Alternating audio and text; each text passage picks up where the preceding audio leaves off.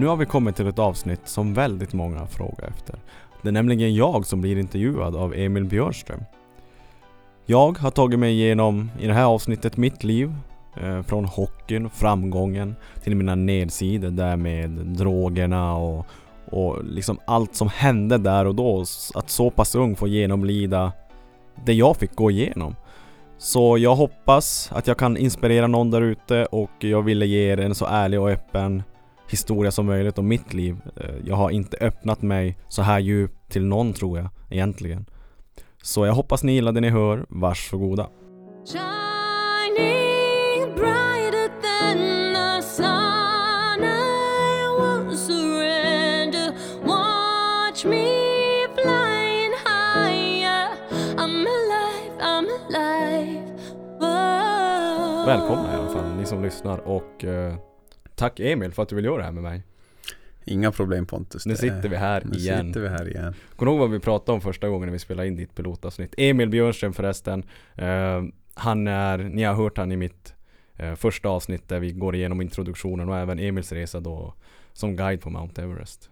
Men i alla fall, vi pratade om att fan Pontus, du måste ju, du sa till mig bara att alltså din historia måste vi fan ta oss igenom en dag. Ja, eller hur? Ja. men det kommer. Eh, och nu sitter vi här just för att ta oss igenom min historia. Och varför vi gör det, jag har själv inte varit sådär jättepepp på att egentligen typ eh, öppna upp mig om det jag fått gå igenom. Eh, men det är väldigt många som lyssnar på podden som har skrivit åt mig och vill veta liksom om ja, men drogerna eller liksom hockeyn. Eh, ja men vad man har fått gå igenom och nu så har jag blivit övertalad. Och nu sitter vi här. Ja. ja, exakt som du säger. Det är, vi pratade ju senast också om det. Och jag har ju sagt tidigare också. Jag, har, jag vet som, vi som vuxit upp ja, vid samma ålder och spelat Ja. hockey och fotboll och umgåtts en del genom åren. Och jag, jag vet ju en del, men jag vet inte allt. Nej, men jag tror att många vet den här ytan. Mm, Eh, precis. som jag också är ganska, ja men jag är ganska öppen av mig typ på Instagram och sådär att man Ja men drogerna till exempel, men folk vet ju inte okej vad är det som ligger där i grund Mm. och botten Så tanken är att vi ska ta oss igenom mig idag precis. Så, ehm, så det ska bli intressant att se hur det går Eh, Men jag tänker att vi kan väl börja med vart jag kommer ifrån Då är det min Precis. tur att presentera sig Precis, då kör vi här. Du, du är inte van att sitta på andra sidan mikrofonen så att Nej, säga. Är det så här det känns att vara nervös? Ja. Nej men jag tycker också det. Vi pratade lite innan och det är väl bara att, att köra vem du är från början. Alltså det vi är ju Mm. rak, rakt på sak ofta. Främst du, du, är ju, du, vill, du vill veta direkt. Så vi kör från början. Ja. Och vem, vem, vem är Pontus Josefsson och vem, vem har du varit genom livet? Hur har du, hur, hur har du kommit hit? Och vem är du idag? Vi börjar, alltså, Ja, vi, vi kör där. Eh, Pontus Josefsson för er som inte vet vem jag är, 27 år gammal. Född och uppvuxen i Kiruna. Kommer från en väldigt kärleksfull och stadig familj. Haft en väldigt bra uppväxt. Alltså skolan har gått bra. Eh, egentligen allt i livet har väl varit väldigt bra för mig. Jag har spelat hockey sedan jag var sju år gammal. Och det är väl där som ehm, det var mitt stora kall i livet och det vet ju även du Emil också men gick bra för mig när jag var eh, ungdom, junior, liten så när jag var 15 fick jag chansen eh, att välja vilket hockeygymnasium i Sverige som helst. Med andra ord, jag kunde välja fritt för alla, vill, alla klubbar i Sverige ville ha mig. Så bra var jag. Efter TV-pucken och sådär. Nu valde jag Luleå men Eh, bäst räddningsprocent i TV-pucken. Eh, ni som inte vet vad TV-pucken är. Länen i Sverige, om det är, typ, är det typ 23 län kanske? 25 ja. ja, något sånt. Eh, slåss ju om att bli bästa län i Sverige. Ja, och där fick jag bäst räddningsprocent, eh, bäst i Sverige. Jag var målvakt då som ni kanske förstår. Och det är väl här typ mitt liv blev väldigt intressant. För nu när man är 15 år gammal eh, och har chans att välja och flytta vart fan du vill. För det första så är man inte så mogen som 15 eh, och jag har inga andra planer på att spela spela hockey egentligen hela livet. Så, men jag valde Luleå i alla fall. Luleå lovade mig guld och gröna skogar. Luleå kändes väldigt bra. Eh, dels hade jag flickvän i Kiruna på den tiden, Luleå kändes nära, familjen nära. Så jag valde Luleå. Det som är, det som är ganska intressant här, det är för att när man är 15 och ska dra iväg man vet aldrig vad som står och väntar bak i dörren. När du öppnar den där dörren, du har flyttat in i Luleå, du ska sköta skolan, du ska träna liksom två pass om dagen. Jag kan tänka mig att det är väl nog jobbigt att bara flytta som folk, jag har, aldrig, jag har aldrig gjort det på det sättet men folk flyttar för att plugga kanske och då har de Mm. fokus på ja, men, pluggandet och skolan. Det är väl som ett äventyr i sig men de som kombinerar som i ditt fall att det Mm. blev eh, ja, men, ett hockeygymnasium. Då är det ju både att skolan ska skötas och det ska och svinseriöst i hockey är det ju, det är väl prio ett i princip. Men det, det blir ju det. Mm. Och det, alltså, det man inte vet, alltså man är så taggad när man är där, du har just liksom, ja men bäst i Sverige. Eh, Mm. det, alltså när man är 15, det är väldigt lätt att få svullskalle. Ja. Eh, däremot så är jag väl jag, jag, jag, har inte, jag har inte ansett mig den som har svullskalle och trott att jag är bättre än vad jag är utan jag har väl inte varit blyg för att skylta med att jag är jävligt bra, Mm. så kan man väl säga. Alltså, Men jag minns ju själv, det, här, alltså, det var ju den vevan, vi spelade ju, ja främst så vi spelade fotboll, Mm. så, ja, men även hockey eh, när vi slog ihop. Vi var ju olika AIF och HC, så blev vi ett stadslag och då, då spelade vi tillsammans. Sen har vi mött varandra genom alla år också ja, här i Kiruna.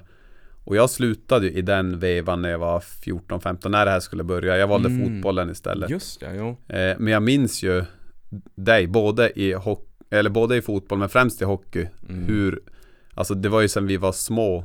Eh, du var ju så målmedveten och Mm. det, det fanns ju inget annat än att, och, och vi, jag trodde också, alltså jag tror i princip alla, man kände ju på sig att du kommer ju lyckas för att Mm. du var ju så seriös, målmedveten och du hade ju den där eh, mentaliteten redan då. Mm. Alltså när vi var små, det var ju, det skulle inte tullas på någonting och det var svinseriöst i allting. Mm. Främst i hockey, fotboll var det också Det, det, det, var ju både och i fotboll, det var ju lite mer eh, Ja men lite både och i fotboll i och med att vi hade en sån jargong i, i, alltså i vårt lag vi hade det aldrig glömma. Nej. P92. Nej det var ju bland det roligaste tiden i livet, alltså sportsmässigt Alltså i, alltså, i det laget vi hade Oh ja, oh ja. Men du var ju också Jag skrattar många gånger, jag pratade med dig om det och med många andra alltså, eh, För du valde ju, det var ju alltid hockey som var nummer ett Mm. Fotboll var ju sån där klassiker som eh, men Många hockeyspelare spelade fotboll på sommaren Ja. Samtidigt som vi eh, fotbollsspelare spelade hockey på vintern och sånt där. Alltså det var ju, det var ju bra att man gjorde så. Men man visste ju att hockey var ju din prio ett. Det var ju Mm. allt för dig.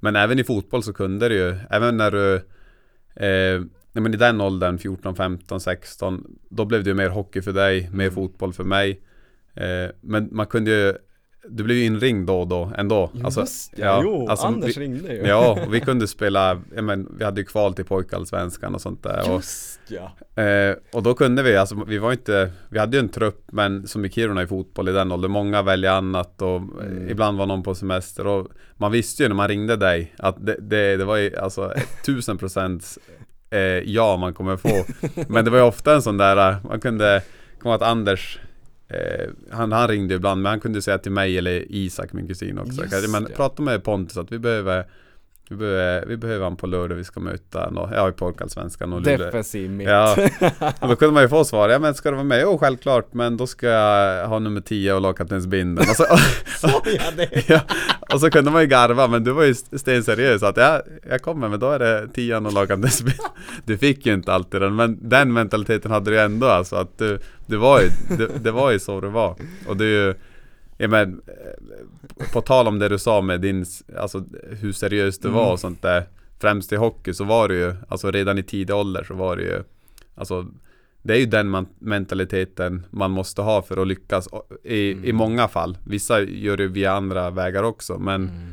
Men Och du lyckades ju, du, du, du Mm. nådde ju ett av målen Mm. Kanske inte Slutmålet. slutmålet men, men med den mentaliteten och ja men så som du var så nådde du ju, ja men som du sa, du var ju bästa målvakten i Sverige, Mm. alltså när du var 15 år.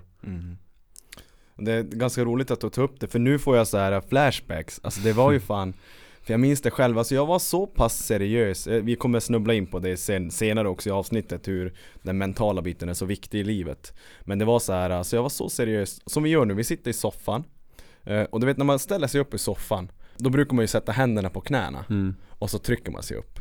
Om jag kom på mig själv att jag gjorde det i den här åldern Då bara Fuck! Sätt dig ner igen! En riktig benböj! Så jag, så jag satte mig ner igen, tog bort, så jag skulle ställa mig upp som om det var en benböj Ja. Alltså förstår du hur Ja. sjukt det är? Ja. att man så ung vet, Ja. alltså har den Ja, mentaliteten, exakt. det är ganska sjukt när man tänker Ja. tillbaka Och samma, jag gillade ju att springa på den tiden, jag och Ant- Anton Tano har ju varit, jag har aldrig slagit Anton Tano ja. Men han, eh, han och jag har krigat i toppen, alltid Ja. i löpningen Och jag, jag gillade alltid att springa långdistans och på milen sprang jag flera gånger i veckan Jag gillade att springa på Lossaspåret, nu är det ju hus där men väldigt kuperat och tungt ja. Och de sista kilometrarna liksom, för jag hade alltid klocka Och jag hade alltid, jag ska aldrig vara sämre än min förra tid Ja. Aldrig vara sämre, alltså jag kunde inte tillåta mig att vara sämre ja. Nu med facit i hand, man ska ju såklart ta det lugnt också när man tränar Men på den tiden gjorde jag inte det Mm. och så de sista kilometrarna Då sprang jag, alltså liksom Folk har nog tänkt att jag är helt dum i huvudet på det där jävla spåret Ja. Då skrek jag till mig själv Bli bäst! No pain! No pain! Från Rocky-filmerna du vet såhär No pain! Ja. Bli bäst! Och det gjorde bara att oh shit, nu går det undan, nu har jag fått den där extra energin Jag har alltid varit bra på det här self-motivation, Ja. så jag alltid kunde motivera mig själv att Ja. kom igen för Ja. helvete! Och det är ganska, jag vet, det är ganska unikt i den där, Ja. så ung ålder! ja. Att man redan har det Ja, där men jag kan se mig själv Alltså jag kan se dig framför mig, alltså när Mm. du kör för att Du var ju så, och du, jag hade kunnat se, se dig nu också alltså, Så därför jag vet ju hur du funkar men Nej men det är ju, alltså I den åldern, det är inte många som Som, som har det där mm. Men nej, det är ett driv du alltid har haft Men det är som i allt, alltså Nu Vi träffas inte jätteofta så här nu Mm. men, men när man väl träffar dig och som nu när vi pratade innan och allt alltså Då är alltid något på gång Alltså Mm. nu, nya grejer på gång och senast vi träffade, om man träffar dig var som helst Det är alltid någonting på gång och Ja men du har alltid varit så Alltså det behöver inte ens vara sport utan det, det är alltså vad som helst Det är Mm. nya projekt på gång Bara podcasten, alltså bara Ja. det är ju eh, Ja men imponerande hur du är som människa. Jag, jag är ju själv så här, alltså jag, jag, jag gör ju grejer också så här, ja men kanske lite annorlunda grejer än vad andra gör. Mm. Men mitt driv är på ett helt annat sätt. Jag, nej, alltså du, du har ett driv som är, det är ganska unikt tror jag. Alltså mm. det är inte många jag känner som, som har det där.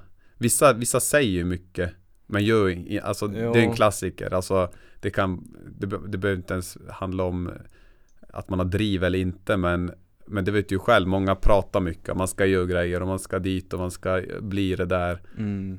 Men det är, det är inte så många som gör egentligen, men du på ditt sätt så som du är, Mm. alltså när du bestämmer dig för någonting då du har ju säkert misslyckats med mycket, Mm. det är ju alla, men du testar ju i alla fall. Alltså Ja, och sen till slut så Ja men till slut så händer det att då För Ja. jag är 100% säker att du kommer lyckas med någon Alltså du har ju lyckats med mycket hittills Vi sitter i ett skitfint renoverat hus nu Ja. Alltså bara det med, med podden och allt sånt där eh, Men Ja alltså Rätt vad det är så slår man huvudet på spiken som Precis, man kan säga. ja. Och, och det är väl det man Det är väl det man försöker, i alla fall där jag är nu, men om, om Men just det här um, Vi kan gå tillbaka till Luleå-grejen Oerhört intressant att man har den där mentaliteten, så jävla roligt att ta upp det, att man får blicka tillbaka på den där jävla Ja. tiden Ja men vad kul, men i alla fall tillbaka till Luleå-tiden vart jag, vart jag hamnade när jag var 15 Eh, Eh, jag är född i oktober så därav, jag, jag fyllde 16 eh, när jag hade börjat första året på gymnasiet.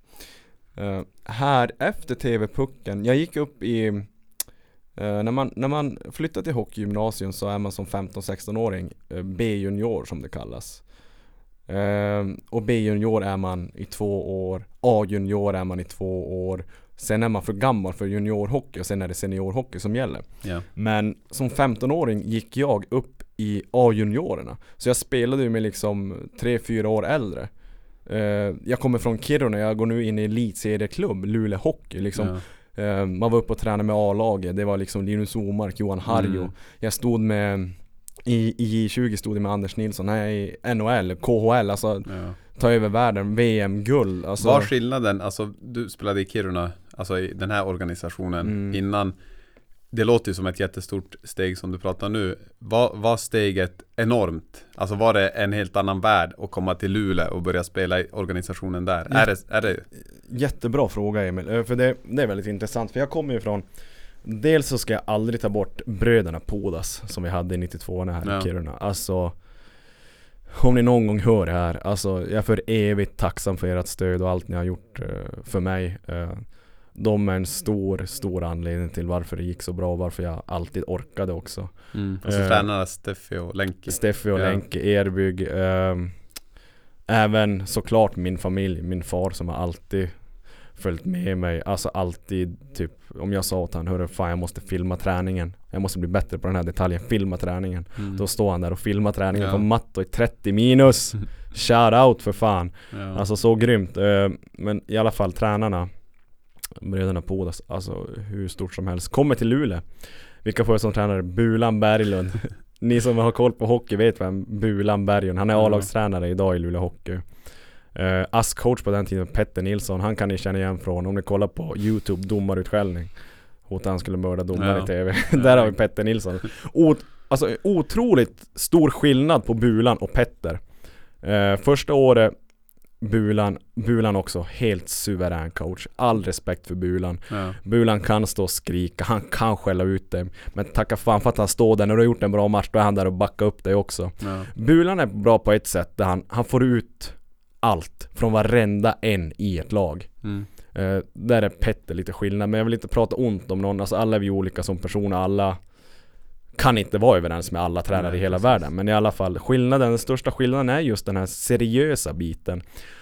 Dels så ska man sköta skolan, jag bodde på Skurholmen, det är ändå några kilometer ifrån skolan. Vi fick gratis busskort, så det så den delen är ju som uppbackad, men just att ta sig upp själv Mm. eh, på morgon, sju på morgonen, göra frukost. Eh, två till tre dagar i veckan har man isträning klockan åtta på morgonen. Och därefter skolan.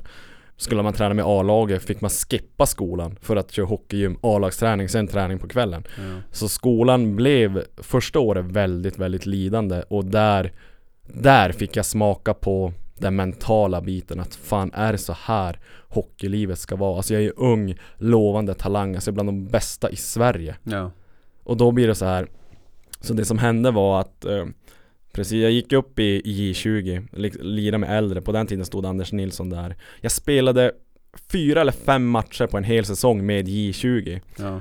eh, Vilket Ni som vet hockey inte är mycket Nej. Och liksom sitta på bänken och snitta inte ens en match i månaden på en säsong ja. Eh, Däremot gick jag ner eh, och lirade med J18 eh, De viktiga matcherna ja. på den tiden stod Lassinantti i 18 Är han 92? Han är 93 Och Nilsson är? n- Född 90 Ja, han är. Så det var jag och ja. Nilsson i 20 och Lassinantti Hyfsat, hyfsat mittemellan där mellan. Lassinantti och Anders Nilsson alltså. Det är hyfsad konkurrens Ja. men eh, Första året alltså jag, jag alla klubbar ville ha mig, alltså jag, jag var bäst i Sverige Ja, Alltså juniorlandslag och alla de här landslagslägren på den tiden Det var som att eh, Jag gick upp i J20 tror jag för att jag var så pass bra ja, Men däremot så tänkte inte Luleå riktigt där. Om som målvakt vill du, måste du få, du blir ju bättre när du står matcher. Ja, Såklart, jag fick träna med liksom eh, Alltså på svinhög nivå, träningarna Ja. var ju full fart, det var slagsmål, det bara tokar hela jävla bunten. Ja, Så man blev ju som, tempot, tempot vart ju som helt annorlunda, alltså man kunde klara av en J18 match hur lite lättare och kunde läsa spelet på ett bättre sätt. Men har man ingen matchträning så står man där, det, det blir någon onödig retur ja, Man är inte lika säker på kanske tajmingen, även om du har det här tempot i dig ja. Så har du inte Men matchträning jag kan tänka mig att det är ju i, de flesta sporter, jag spelar ju fotboll och jag har ju spelat hockey, men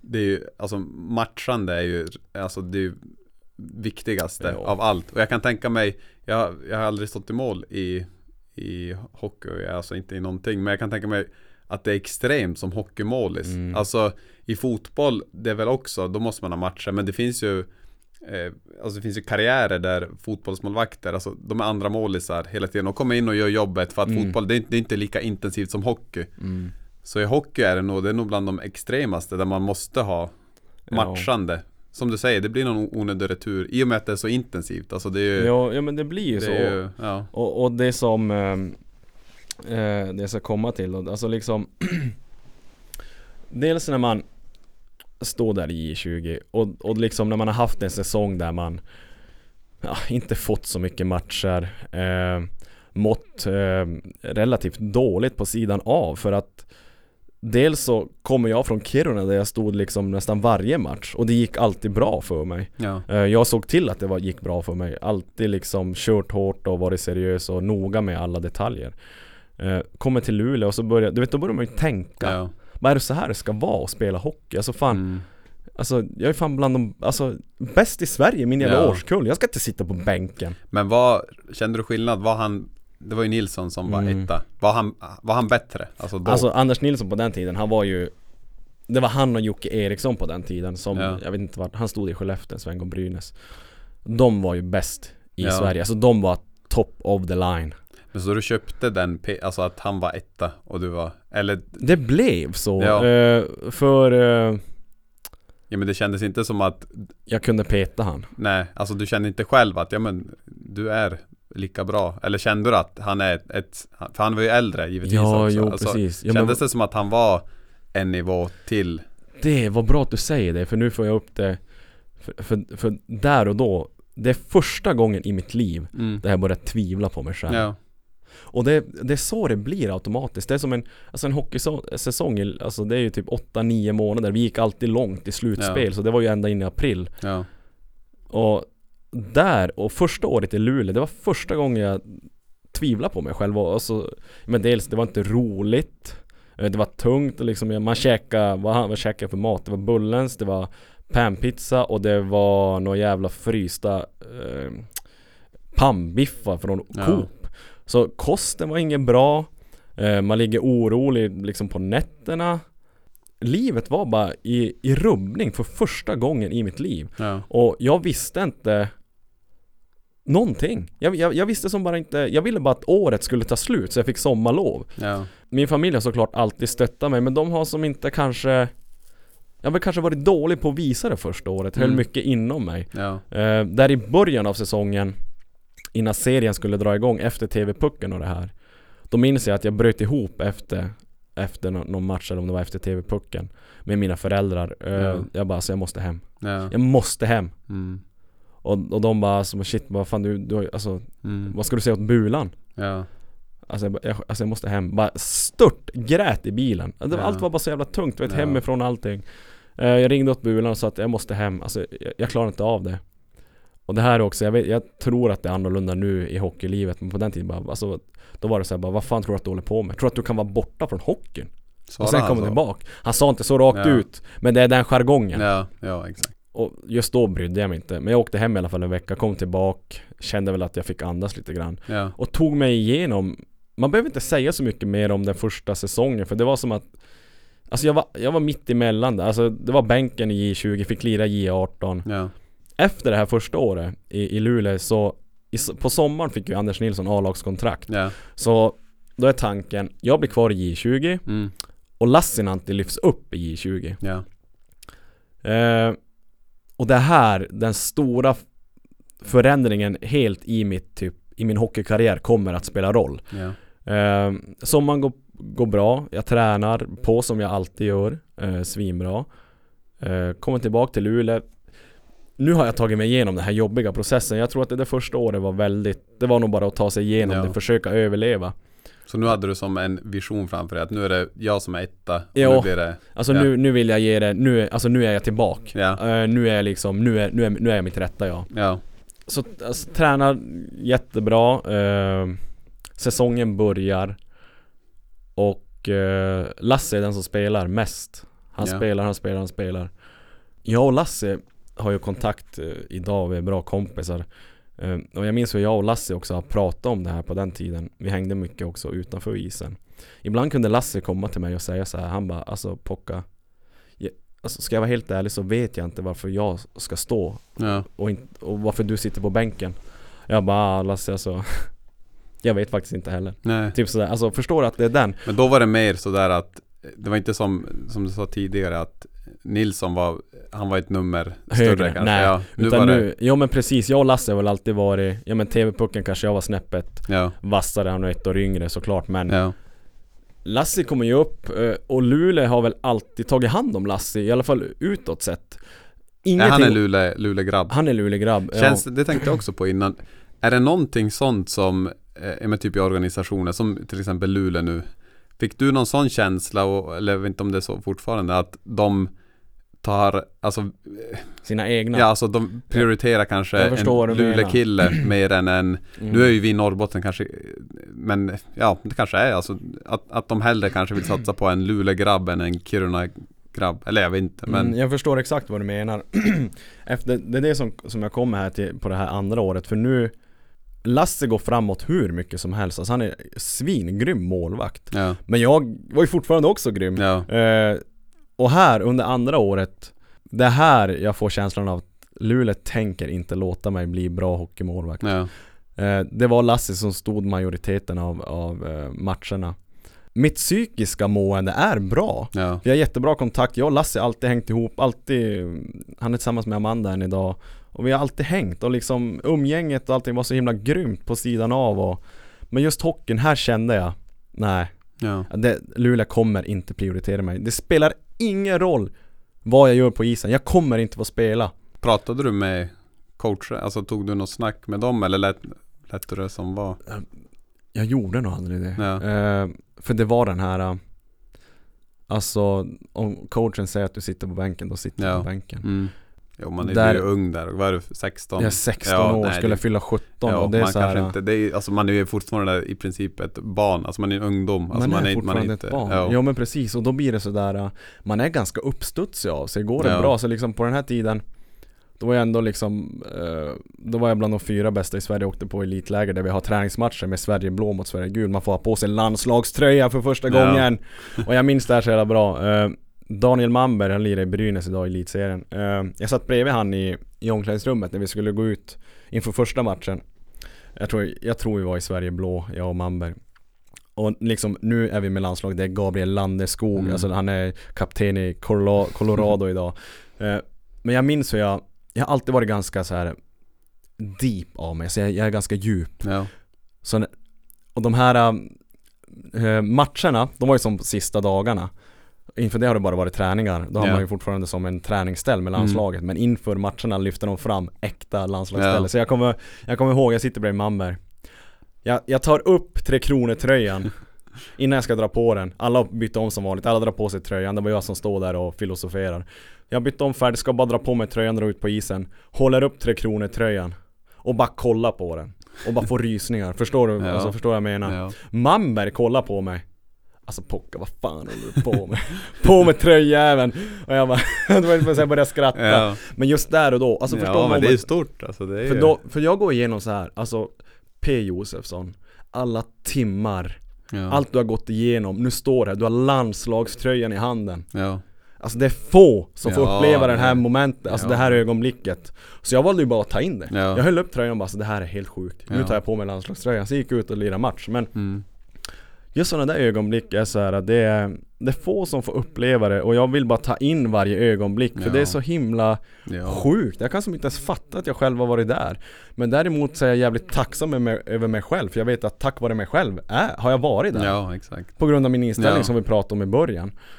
Och, jag, och som jag också nämnde att jag tror att jag har väl aldrig haft liksom den här svullskallen. Jag har väl aldrig bara varit blyg om att berätta hur bra jag är. Så att jag tror att folk har som Kanske velat sätta mig åt sidan och bara fan nej, han är inte så bra egentligen. Mm, Men det är för att folk gillar inte när folk typ skryter. nej. Folk men- gillar inte diver, folk Nej. gillar inte uppkäftiga men att de ändå är bra. Folk Ja. gillar inte Chris Ronaldo Nej. när han säger att han är bäst i Ja. världen. Nej, men han så- är ju det. Ja, jo men det är ju, det är, Och då blir det den där hatkänslan Ja. istället. ja men det är ju alltså, folk gillar ju inte när man, men sticker ut, kanske främst här uppe i norr Ja. är det väl den mentaliteten, man ska inte sticka ut och man ska inte säga att man är bäst. Men, men det är ofta så, sådana som lyckas också. Mm. Och, och där och då hade du lyckats med den inställningen och alltså Det var ju, Ja men precis, alltså, det var helt jävla otroligt. Men säsong Andra säsongen i Luleå rullar väl på, jag tror jag väl hade en 20-30 matcher i alla fall. Eh, Men som sagt, eh, när det blev slutspel Då är det Lassie som är första valet ehm, Jag får stå på sidan, kolla på Men ändå gjorde en bra säsong Jag undrar om det var det här året jag hade Då hade jag ju fortfarande att nämna ett år kvar i B-jun. Ja, Ehm, och du låg ändå ett steg före. I A-juniorerna men då var det, och Lassie hade ju fortfarande två år kvar i B-jun. Ja, Så jag gick ner och lirade även andra säsongen mycket med B-jun. Eftersom att Lassie var första val Ja. i, i 20 Eh, Och då hade jag nog Jag minns inte om det var just den här säsongen men i alla fall det var Jag hade bäst räddningsprocent, minst insläppta mål. Mm. Ja men bäst statistik i hela jävla Sverige. Ja, Än en gång! ja, Trots att första året var det sådär tungt och det Men alltså ändå, jag, jag kan fortfarande prestera ja, På högsta jävla nivå. Andra året flyter på eh, Inför tredje året så försöker jag byta klubb. Jaha, eh, det visste för, inte jag. Att, för, för då Bulan har jag respekterat hur mycket som helst. Och Bulan skulle gå upp i A-laget. Ja, eh, Petter Nilsson blir headcoach Jag och Petter Nilsson har väl aldrig tyckt om varandra nej, eh, Jag ska inte hänga ut han. Eh, Ni kan kolla youtube, där får ni Där kan ni se hans riktiga jag egentligen. Eh, Men eh, Så att Jag kände ju på mig att Petter Nilsson blir headcoach Inför tredje året. Ja, Jag kommer inte lira en minut. Ja, Det är Lassie som är hans lilla barn. Ja. alltså, och, och där, så jag försökte gå till Skellefteå, på den tiden var Hasse Wallson i Skellefteå. Ehm, Och jag var sådär, alltså jag, jag måste dra. Och du vet Ja. ju min inställning, jag ringde han, jag ringde han, han bara ah, men Till slut slutade han svara. Ja, Så att jag var som för på, Ja. för de hade ju sina målvakter. Men jag gjorde bara vad, alltså jag gjorde allt jag kunde för att försöka sticka från Luleå. För jag vill ju fortfarande få spela. Ja. Jag vill ju bli bäst i världen. Inte ska jag, jag kan inte acceptera att sitta på bänken ett Nej. år till. Eh, Men det hände i alla fall att jag blev kvar i Luleå Tredje åren och fan det roligaste året i hela mitt typ liv. Student, man ska ta Ja, studenten du ja. vet. Man börjar mogna lite grann. Ja. eh, Man börjar ta motgångar lite bättre. Eh, Lassie blir skadad sista året eh, Och blir långtidsskadad Knät Blev kört på en träning Det här var nog just innan, ja men det var sen november typ ja, Och det är fortfarande mycket kvar av säsongen Så Ja. jag gjorde mig redo, nu är det dags för mig Ja. Nu är det dags för mig, nu får jag hoppa in, nu är det dags att skina Eh, och det gör jag också. Däremot så händer en olycka. Jag har tagit körkort just sista året. Jag ska åka hem. Vi hade typ oftast bara två dagar ledigt under julen. Annars var det träningar eller träningsmatcher. 23 december åker jag hem mitt sista år 2010 i Luleå. Uh, snörök, ni vet ni som Ja. kört Kiruna-Luleå. I Jämtefjärden, just innan Töre, krockade med en lastbil. så, det visste inte jag heller. Eh, så jag krockade med en lastbil i typ 50-60 Bilen är mos Eh, Jag klarar mig Typ hade Bilen, när panelen typ tryckts in några centimeter till så hade jag krossat benen Eh, Jag klarar mig med lite ont i nacken Man måste ju såklart undersöka Ja, Eh, Jag tog bussen hem till Kiruna efter, efter. Jag stannade som inte i Luleå utan jag ville ändå hem och fira julen Ja. med mina föräldrar. Ringde ju även mamma och pappa. De bara så fan vad är det som händer? Du vet Ja. sonen har varit i en bilkrasch. Så Åker hem. Um, Meddelar killarna i laget. Jag ringer inte Petter Nilsson. Nu, förstår ni liksom vilken kontakt Ja, vi har haft i det stora hela. Jag ringer inte ens min tränare och säger att jag har nej, varit nej, i en bilkrock. Eh, men jag säger åt grabbarna i laget i alla fall, har varit inne på sjukhuset, gjort en dokumentation eh, som man måste göra. Hade ont i nacken som fan dagen efter, ni vet när, när Ja. chocken släppte. Alltså Ja. jag kunde typ inte röra mig. Mm. Eh, Petter Nilsson ringer mig just på morgonen, dagen efter det har hänt. Han bara 'Fan Pocka vad är det som har hänt? Har hört att du har krockat, fan hur är det med dig?' Ja, Börjar så här typ som han alltid gör, ganska trevligt så här, för han vill ha ut det han ja, det här vill jag bara, alltså, ja. Alltså jag, jag mår bra. Eh, och det tog han väl typ precis på orden. Jag mådde ju bra men jag hade ju fortfarande ont Ja. typ. Eh, så han bara, ja men när är du tillbaka?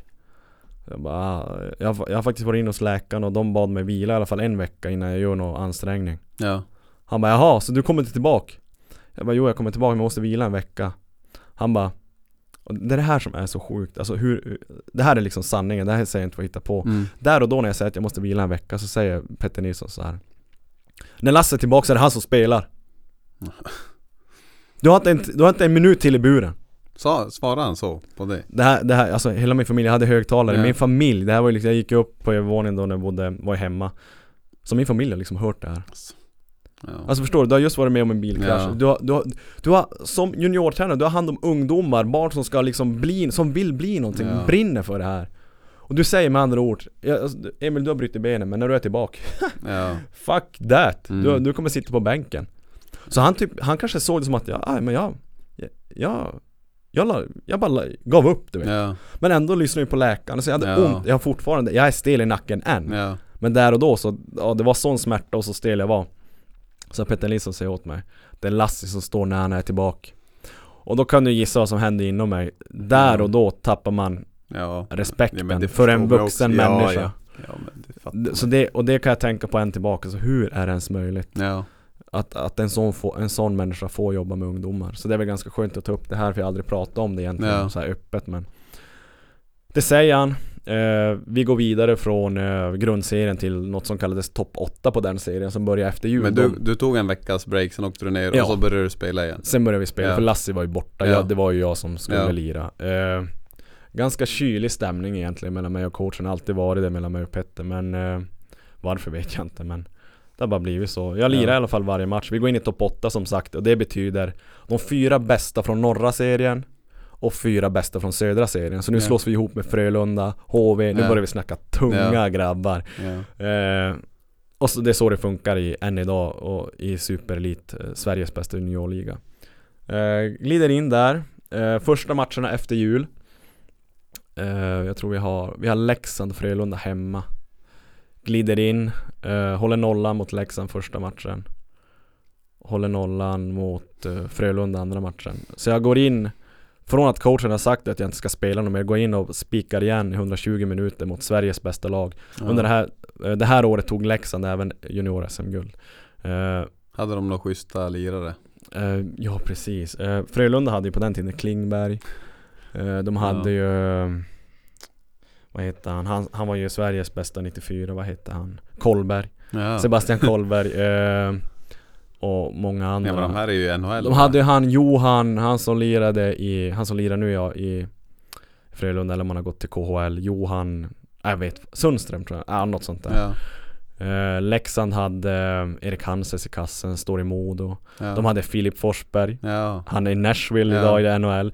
Eh, Viktor Rask, Ja. NHL. Ja, du, du räknar alltså- upp NHL-lirare. Ja, alltså vi Ja. snackar om bra lag och där går jag in spikar igen. Jävligt skön revansch. Och här kommer andra liksom det sjuka. Eh, efter jag spikar igen, Leksand Frölunda hemma, Lasse är skadad. Efter söndagsmatchen så blir jag uppringd av Petter Nilsson. Ja. Och vet du vad han säger? Alltså jag liksom fixar segern åt oss. Ja. Eh, då säger han så här. Eh, tror fan inte att du är någonting nu. Jag bara, men vad menar du? Typ, alltså jag tror inte jag är någonting. En jävligt bra prestation men Det här är standard, det här är standard. Du ska Det här är vanligt, det är så här man ska prestera. Varje jävla match, varje jävla träning. Ta det bara lugnt nu. Nästa match, nästa match. Jag bara Ja, ja visst det är lugnt Petter typ. Mm. Men jag har alltid varit den där, har jag gjort en bra träning eller har jag gjort en bra match? Alltså då har jag fan sagt till mig själv, alltså du är Ja. fan bäst. Alltså Ja. jag behöver ge Ja. mig själv beröm.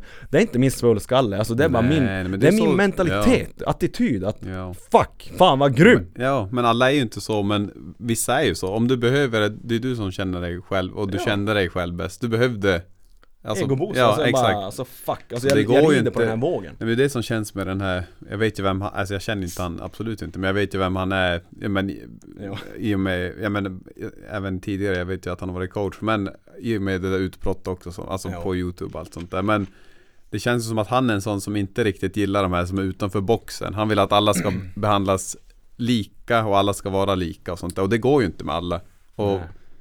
Nej, men det är, ja, det är lite, det där är lite Luleå Hockey, jag, jag vet inte hur de är nu. ja. Det var bättre med Bulan, där fick du vara en jävla cool Ja. jävel och han Mm. Ja men alltså Bulan var, han, han respekterade alla, Ja. det spelar ingen roll vem det var Men det var annat sen när vi fick Petter Ja. Mm. Eh, Men i alla fall, det är det han säger efter mig. Jag har just hållit nollan eh, två matcher i rad i topp 8 i Sveriges bästa serie. Eh, så jag lirade, jag tror jag lirade jag tror topp 8 är väl, man möter varandra två gånger, vad blir det? Det blir 14 matcher. Mm. Jag tror jag lirade 10 matcher. Jag, jag minns inte exakt om det var 10, 12 matcher i den där serien. Anders satt på bänken mycket i A-laget det året. Ja. Så han kom ner och lirade. För Ja. han hade ju ett år, ett år kvar eller om han hade Man får ändå När man är A-junior så får du ändå ta ner Ja, man får, Jag tror man har dispens på två eller tre A-lagsspelare okej. Så Anders Nilsson var ner och lirade några matcher så han skulle få matchträning Lasse kommer tillbaka eh, veckan innan slutspelet. Jag har lirat majoriteten av matcherna. ja, Här kan vi även tillägga, jag har minst insläppta mål i hela Sverige. Så jag har fortfarande, statistiskt sett, Ja. så är jag bäst i Sverige i Ja. år igen. mm, Lasse kommer tillbaka ungefär en, två veckor innan slutspelet. Ska dra igång i Globen. Uh, jag har för mig det var i Globen, ja. Eller hur fan det var, ja. Men i alla fall. Ehm, han kommer tillbaka. Vi tränar på som vanligt. Och här är ju min typ eh, tanke att ja, kommer jag få lira? Jag ville ju tro att jag skulle få lira slutspelet. man hade du en liten känsla av att det kanske Ja, det kommer, Ja. det kommer inte lira. Så Lassi tränar, han har varit borta några månader, kommer tillbaka, tränar några veckor, sen står han slutspelet. Ja, Eh, så då kände jag väl att just där och då kände jag bara så varför valde jag Luleå? ja. Varför? Hur tog du det då? Eller knöt du bara näven eller du?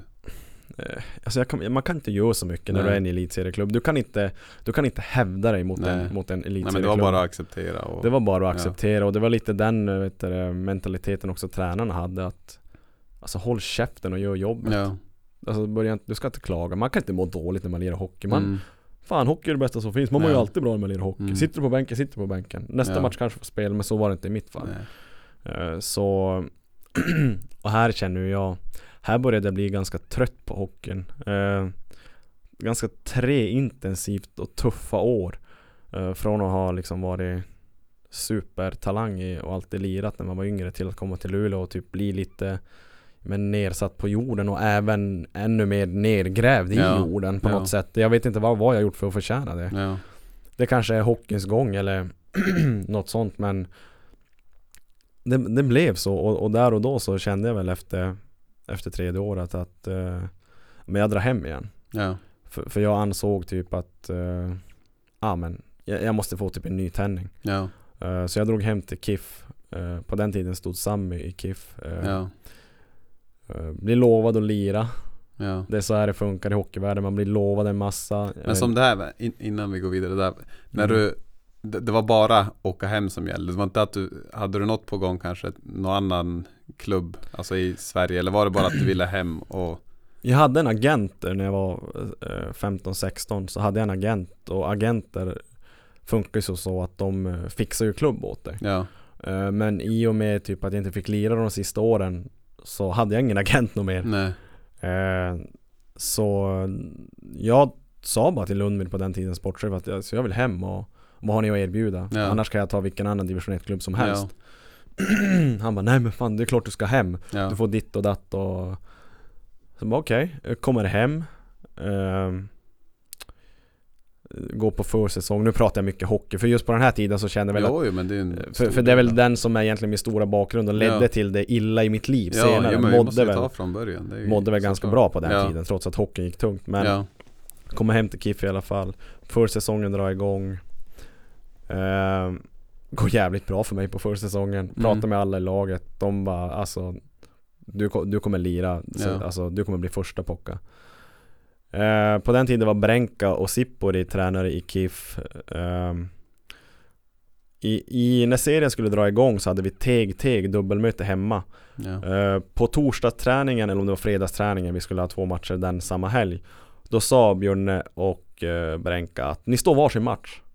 För det var ju match lördag, söndag eller Ja. det var. Att ni får varsin match, seriengång, vi vill spela in båda målvakterna. Jag tänkte Ja. bara, ah, men fan vad nice. Men Mm. Sammy började. Eh, vi hade ett ganska bra lag på den tiden i ja. Det är Sami Gustafsson. Ja, Han ju- Ersson, han var ju Ja. duktig. Ja, han är duktig. Eh, men jag ansåg att jag kan spöa Sammy. Ja, Eh, för jag hade en jävla försäsong och kom otroligt taggad hem ändå, för nu vill jag visa. ja, Alltså fan, för, för mig var det lite såhär det är lite misslyckande att flytta hem. ja, Så nu måste jag bevisa att jag är bättre än alla andra. Vilket jag tyckte att jag gjorde, och det sa även lagkamraterna. Eh, Sami börjar första matchen mot Teg, vi torskar första matchen mot Teg. Teg är- ju en slagpåse. Ja, Där, Teg ska vi spöa varje dag i veckan, men vi Ja. torskar typ 3-1 eller vad det var. Uh, Björne och Brenka tar in oss i coachrummet efter matchen. Jag tänker så här, de ska typ bara be mig förbereda mig ja, för imorgon dag, för då ska Ja. jag lira.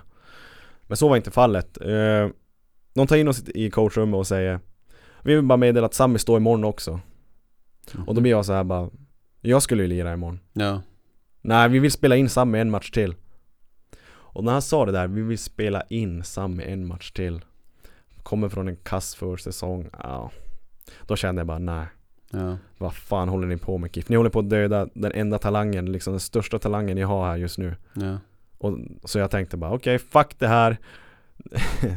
Här hade jag blivit lite rebellisk av mig på den här tiden, det var ändå 18-19 så eh, Det måste ha varit lördag. Eh, På lördag ringer jag polarna för jag visste att polarna skulle gå ut och supa, vi har ju Mm. match dagen efter.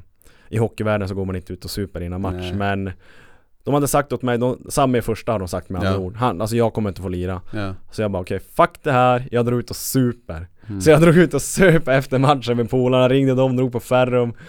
Eh, ja, Sen minns jag inte, sen var det på den tiden man drog hem med någon jävla brud. Man var bara spårad liksom Ja. sådär, man körde all in när det var fest.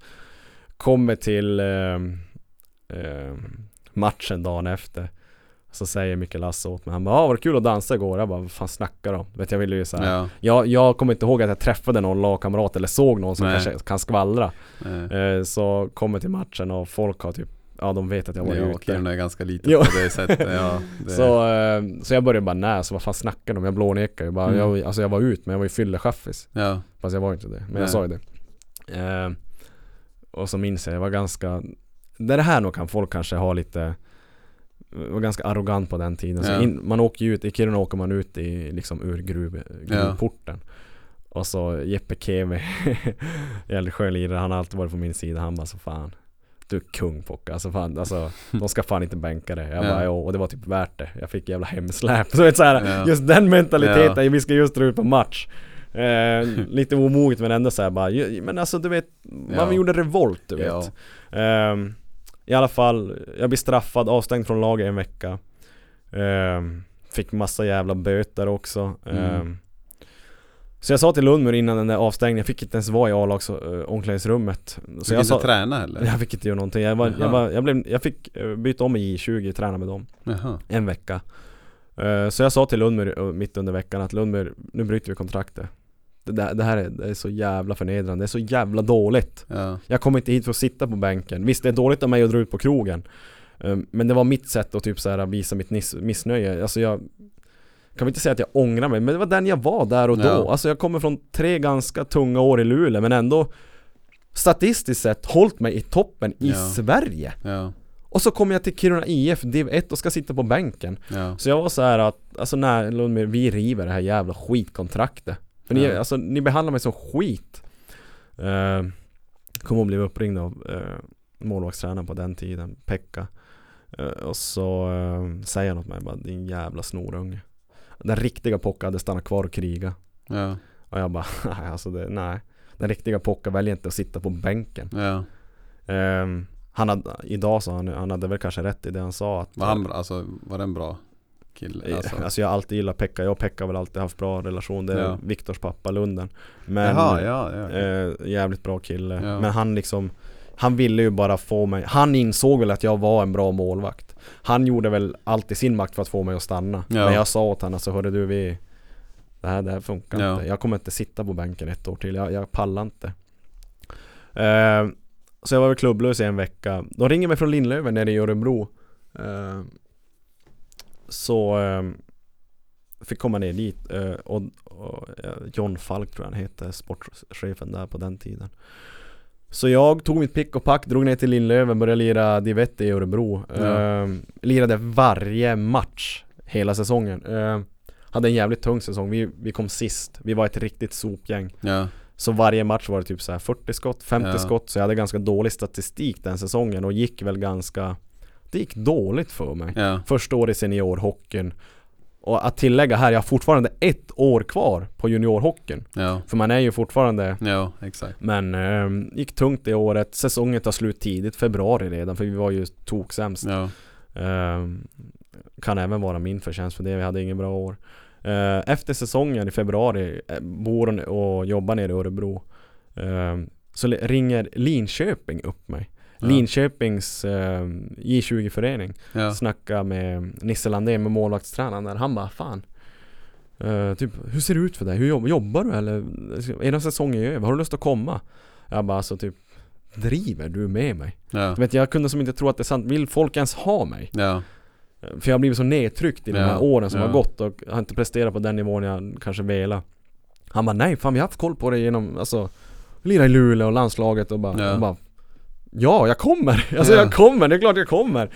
Eh, och på den tiden i Linköping, så jag stack ner till Linköping och lirade där de sista två månaderna tror jag av säsongen. Tränade med dem, var med i någon match. Eh, Marcus Högberg var på den tiden i den kassan, han var väl också i NHL eller KHL. Ja. Eh, på den eh, hade de även Jocke Nermark, draftad av Colorado. Bobo Pettersson. eh, Alltså, eh, jo, Jakob Vrana lirade i första linan på den tiden. Yes. Ni som inte vet vem Jakob Vrana är, han lirar med Bäckström och Ovechkin idag i NHL.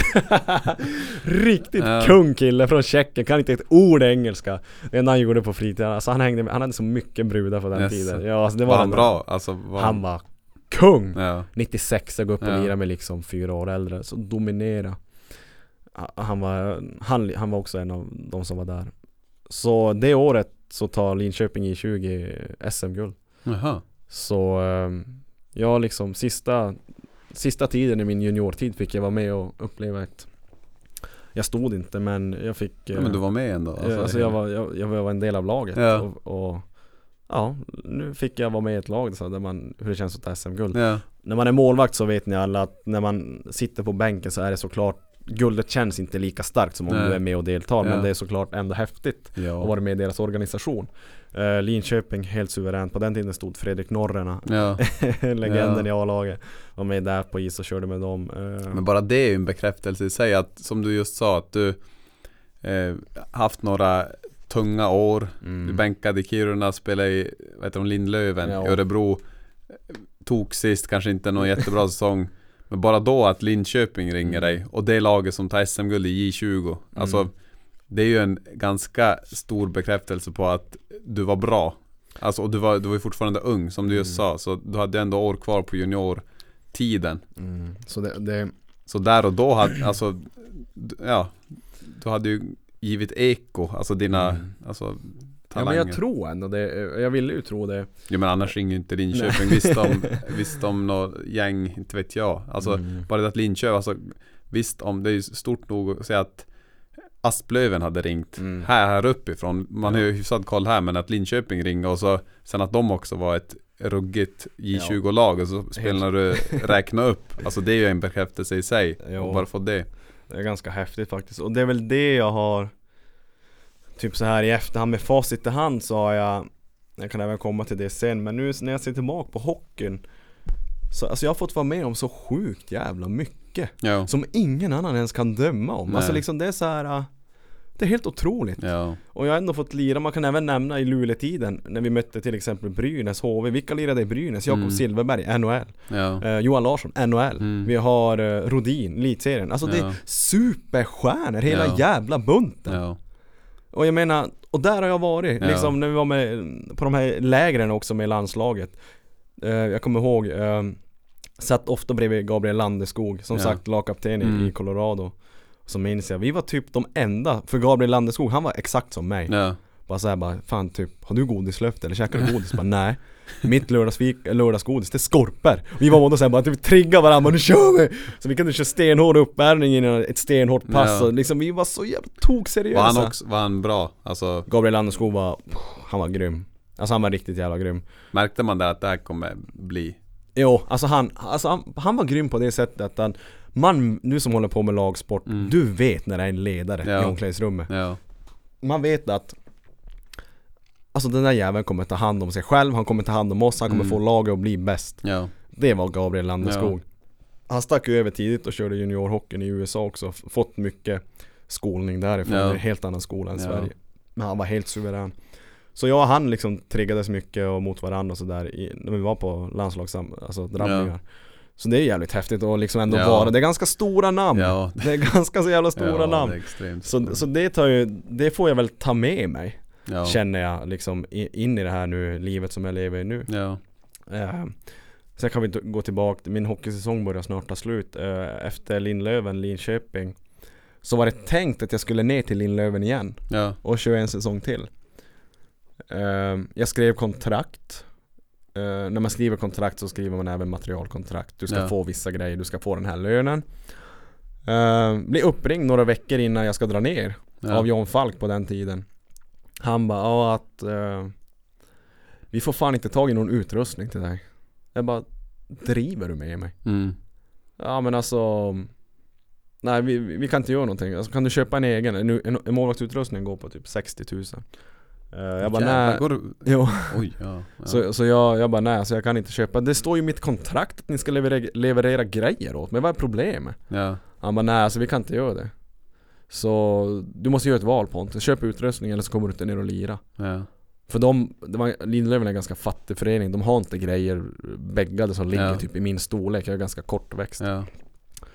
Eh, så jag bara Där och då, jag minns att jag var ute och tränade Jag stod och sköt eh, Jag stod mycket och sköt på garageporten förut liksom. Ja. Stod och sköt, tränade skott sådär Även fast jag var målvakt Mm.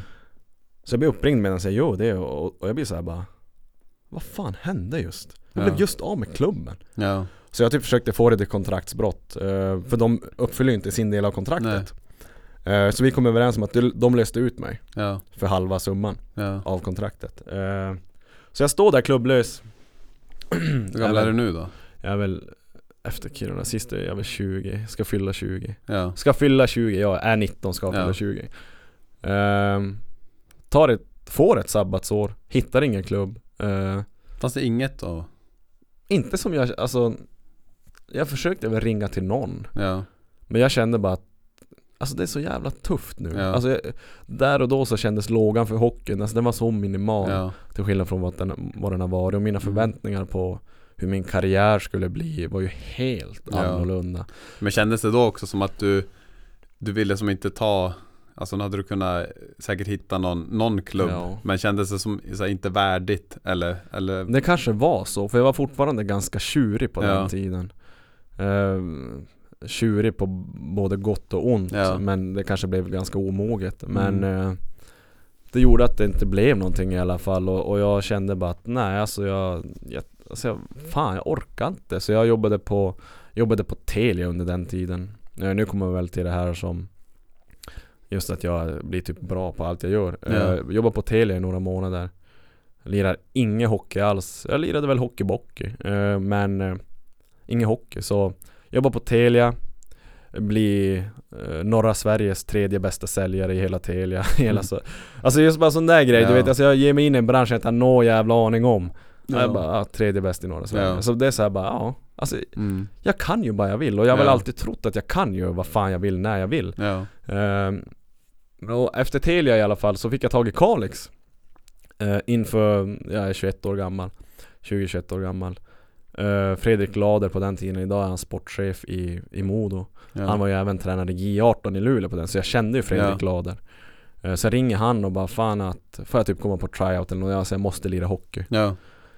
Han bara ja, fan Pocka det är klart du ska komma men, ja men kom! Och så var jag ner och tränade med dem och fick kontrakt Ehm, Och det som är surt här Jag kommer ner till Kalix, det går bra för mig, jag tränar upp mig, jag är i toppform Ehm, jag Sliter ryggen, får typ ryggskott, är borta typ flera veckor eh, Kommer tillbaka efter ryggskottet, sliter baksida lår, är borta Mm. sex veckor Och liksom då har jag hunnit lira kanske två, tre matcher och så skada på skada, gick jävligt bra Men blir skadad Och då såg jag det som att, på den tiden levde jag på hockeyn Ja. Jag behövde inte jobba så det var, Mm. och i Kalix, ni som inte har bott i Kalix, gör inte det Ja. Alltså det suger jävla hårt i Kalix Finns inget att göra i Kalix eh, Förutom att typ, inte vet jag Spela hockey eller bandy Ja. Men eh, I alla fall Alltså man ligger hemma skadad, inget jobb att gå till Lite taskigt om pengar Mm. Man börjar fundera kan jag säga det Ja. Man ligger i lägenheten Ja, och bara. Alltså varför är det så här livet ska vara? Mm. Ehm. och i och med det att innan jag stack till um, Till Kalix, vad fan minns du det? Jag tänkte just det här med, med dottern och det Var det innan jag stack till Kalix? Eller du vet med tallriken och det i käften? Jag vet inte, jag minns ju, jag minns ju 2000. det där 12? Men jag minns inte om det var Ja men nu, jag tror jag, jag, tror jag har koll på åren mm. Man kan, vi kan backa lite grann innan vi går in på hockeyn igen Jag tror många känner till mig just med fan Pontus, det är han som fick en tallrik i käften Ja, Ehm, Så vi går in på det tycker jag, för det här Ja. hände på sommaren ja, kör. Sommaren innan jag drar till Kalix ehm, Jag kan alltså ja, men jag tror jag är rätt ute i åren ja, Men ni kommer förstå hela helheten i alla fall. Innan jag drar till Kalix så ehm, Så har jag träffat en sommarflört Som eh, Ja, inte varit så länge. Ja, Ehm, Och det, ni som känner till hela händelsen vet att jag har fått en tallrik i ansiktet. Mm. Typ, eh, ja jag har 44 stygn på 7 Jag kommer den där bilden, det är bland det värsta man har sett. Ja, Alltså, Och- ja, hela, det, är- det är helt sjukt vad man har fått vara med om när man liksom lever med men, man, Du vet aldrig vem du träffar förrän det är typ för sent Hur man Nej. kan mani- bli manipulerad och sådana grejer Men det är ett förhållande som varar väldigt kort tid Eh, Efter tallriken Får jag även veta att den här kvinnan är ju gravid ja, Eh, Och det minns du säkert själv Mm. också, vi pratade en del om det där Men hon är gravid i alla fall. Eh, Jag får veta det i vecka 14, vecka 15 och då börjar det bli ganska sent att göra abort. Ja, Så jag kommer där.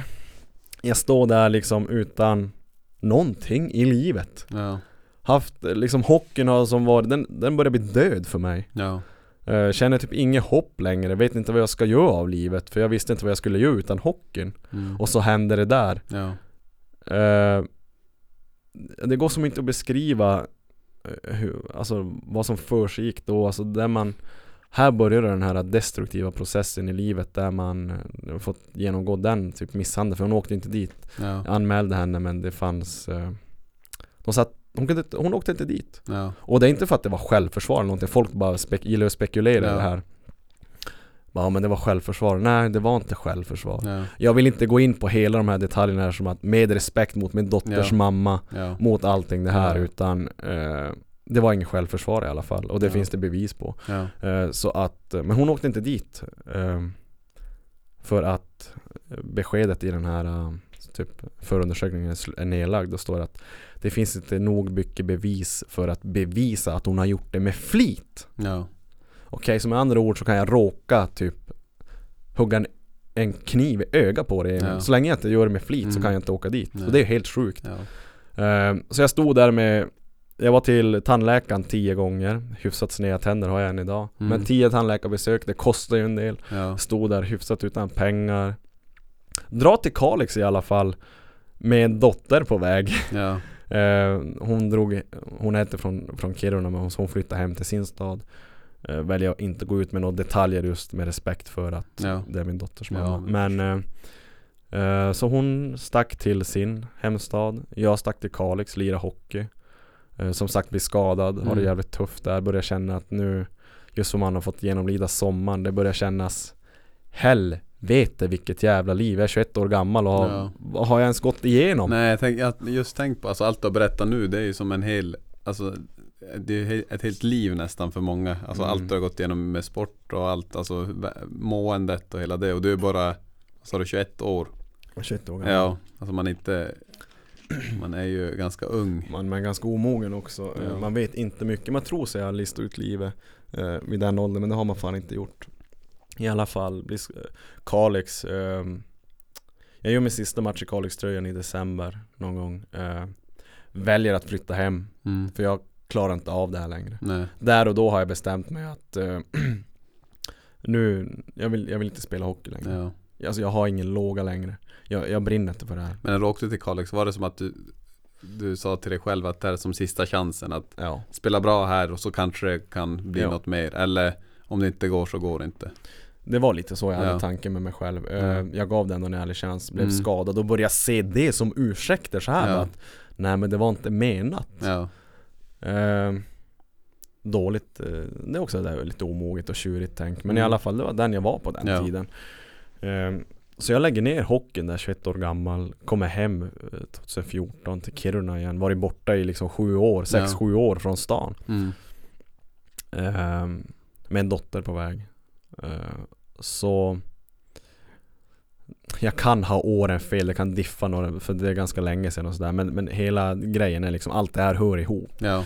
Ehm, så, så jag minns i alla fall att jag blev uppringd av eh, nu, nu kan vi gå in på det vanliga livet. Ja. Vi säger nu att jag har lagt ner hockeyn och Ja. det, det känns bara Men jag vill inte ha något med hockeyn att göra längre så jag Nej. la ner liksom. Precis. Och nu börjar livet hända. Mm. Nu kommer vi det som många vill att jag ska ta upp också.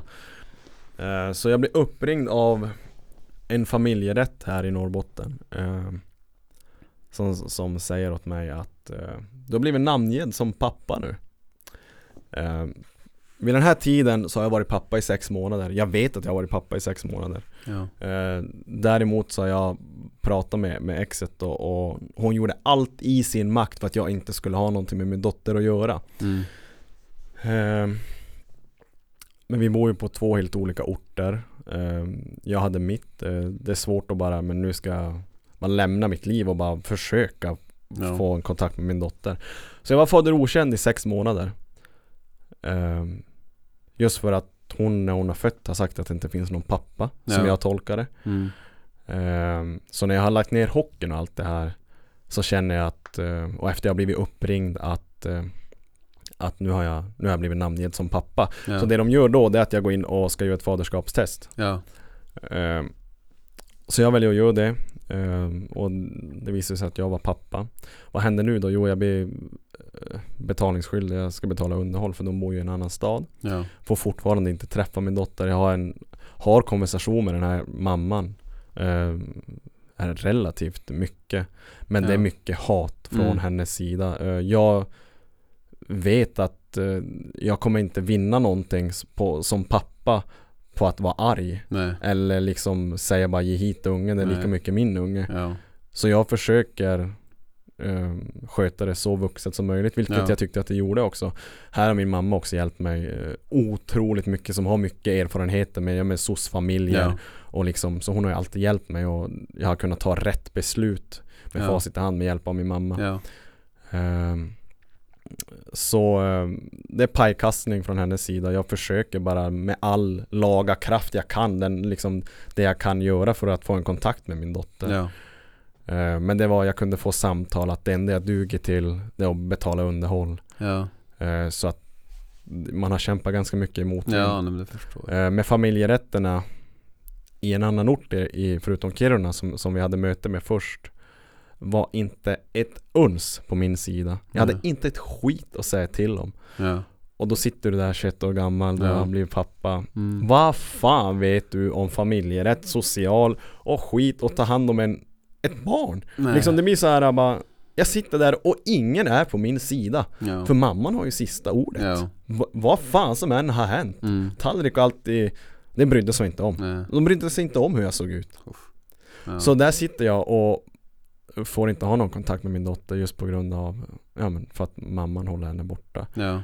Ehm, Jag träffade min dotter Första gången när hon var ett år och några månader Åker ner till den här staden, de bor ju i en annan ort Mm. Åker ner dit Och det, det här är en sjukt, sjukt tuff period i livet Eh, Dels så vill jag ta ansvar Ja. för att eh, Liksom för jag har fått en dotter och Ja.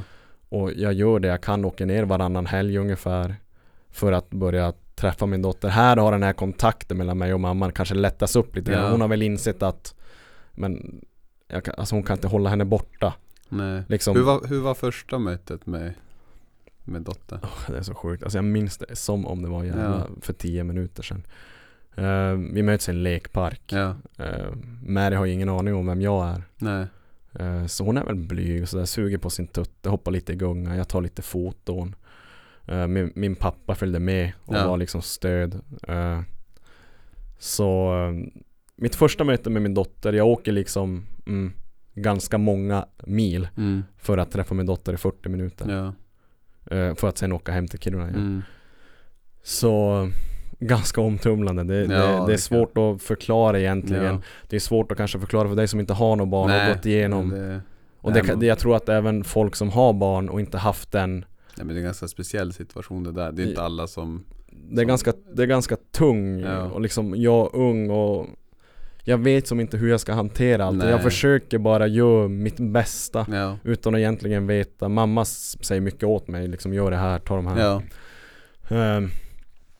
Eh, sen väl i Kiruna så började jag inse att men det måste ju finnas typ hjälp av social eller familjerätt jag kan få i Kiruna. För Ja. jag är ju skriven här i alla Ja. fall. Att de kan hjälpa mig på något sätt.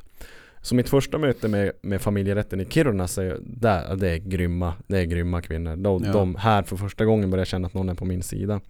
Jag förklarar hela den här situationen som jag förklarar nu för dig Ja. och för alla som lyssnar att eh, ja men fader är okänd och det enda jag duger till är att betala underhåll. Men jag har inte gjort någonting fel. De liksom försöker bara, men ha så Har du någonting som typ kan skada dig? Jag bara nej. Ja. Bara, alltså, nej.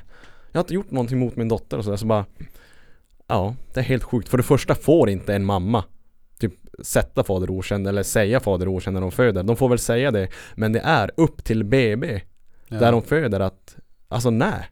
Alltså Ja. det måste ju finnas en Ja. pappa. Så det är deras skyldighet att ta reda på om det finns en pappa eller inte. Ja. Vilket inte har hänt i det här fallet. Nej. Så här än en gång, okej, någon har ju bara skit i mig. Ja. Eh, så att få mycket hjälp av familjerätten i Kiruna, de vägleder mig väldigt mycket hur jag ska gå tillväga. Men kontakten fortlöper eh, med min dotter, åker ner de här eh, många milen. Nu behöver jag inte ha med någon, min pappa som stöd utan Ja. jag börjar åka ner själv och kanske, ja men jag sover över där nere och träffar henne fredag och träffar lördag sen åka hem. Ja. Bara för att bygga den här kontakten, första kontakten är ju så himla viktig. Ja. Och det, det är det här som är så, så jobbigt typ när man kan prata om det. För jag minns eh, när jag har varit nere där en helg, liksom fått umgås, dokumentera liksom filmer, bilder med min Ja. dotter och Alltså typ första milen på väg hem Mm. och så, så har jag bara brutit ihop i bilen. Alltså det är så sjukt eh, för, för det går som inte att beskriva vad som händer i kroppen, alla känslor, alla Ja. tankar du, du har just varit och träffat din dotter, du är liksom 20, 21, 22 Ja. och liksom du har bara fader okänd och hela den här skiten, alltså det bara är skit allting. Ja. Och jag får bara kämpa emot vid hela jävla tiden. Så, ja det kan ha varit de första fem gångerna jag var ner och skulle hem igen när jag var ner själv. Eh, efter typ några kilometer, en mil, så är jag tvungen att svänga in på en p-ficka. Mm. För jag ser inte vägen längre, alltså jag sitter bara i, i tårar. Ja. Jag sitter bara och gråter, så det jag gör, jag ringer upp eh, Jag kunde ringa syrran någon gång, jag ringer morsan typ och bara Mm. Alltså de hör ju alltså bara typ, vad Ja. är det som har hänt typ? Alltså, bara, alltså jag pallar inte Nej. Du vet såhär, alltså jag, jag blir tårögd typ när jag Ja, tänker på det här idag det, det, Just där och då, det är så Det är så otroligt starka känslor och det här kan man även säga att Alltså jag har aldrig pratat med det här om någon Nej. Så ehm, Så jag svänger in på en p-ficka, sitter och bara Alltså helt tom du vet Ja. bara, Alltså Nu åker jag iväg från min dotter och Ja, det, går ju som inte att sätta sig in. Men jag har ingen barn. Men det, det är nog svårt för även folk som har barn. Och som har en, alltså från början, alltså jag har många mm, kompisar som har blivit eh, föräldrar nu, alltså senaste år. Och de har ju, alltså ska man säga, en normal, alltså att Mm. man är med från start så här. Och, men just din historia om det där, det måste ju vara helt, alltså helt, alltså mm, man blir ju ganska tagen av det bara att höra Först att få kämpa som fan för att mm, ens ha kontakt.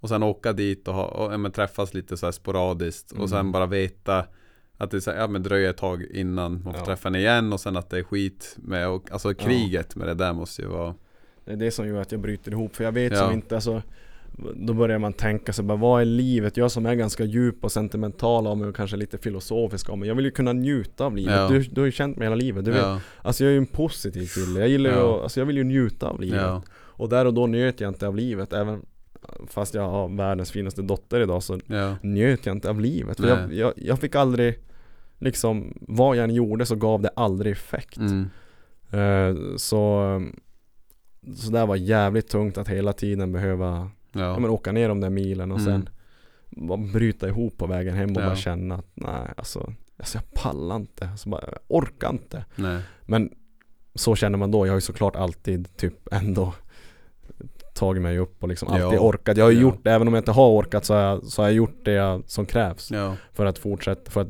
liksom, men vinna den här kontakten. Ja, men tänk vad lätt där också, där och då Och bara ge upp Mm. Känna att jag orkar inte med det här och så bara Blir man den pappan som bara betalar underhåll Mm. och alltså Det hade varit lätt att göra så Jag Istället trodde- för att jag- kämpa jag, vidare Jag tror att många hade gett upp det. Ja, Alltså för det är så jävla lätt att Ja. bara swisha under ja, Eh, för det Så där är det nog många som kanske viker in åren men, Ja. men jag valde att inte göra det Nej.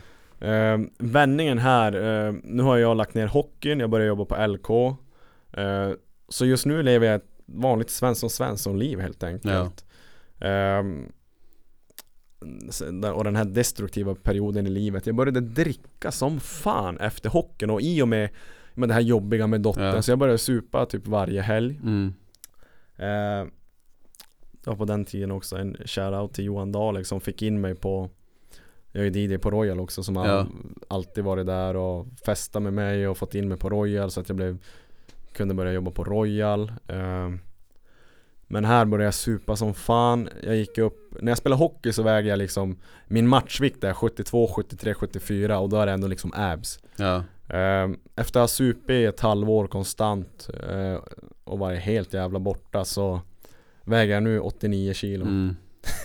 Ja. Så jag var ju smällfet. Det Ja. finns bilder här på mig på nätet om man vill se liksom. Så, så, jag, så jag super som ett jävla mongo i flera månader varje jävla helg. Ja. Eh, samtidigt som jag jobbar då på LKAB men du vet såhär supa, det är som ingen som tänker typ om du skulle typ supa och gå upp 20 kilo, då hade Mm. man Fan han jävlar du har lagt på dig, Ja. fan jävlar du super Ja. typ, alltså, Man tar det inte på allvar Nej. när det är så här alkohol Nej.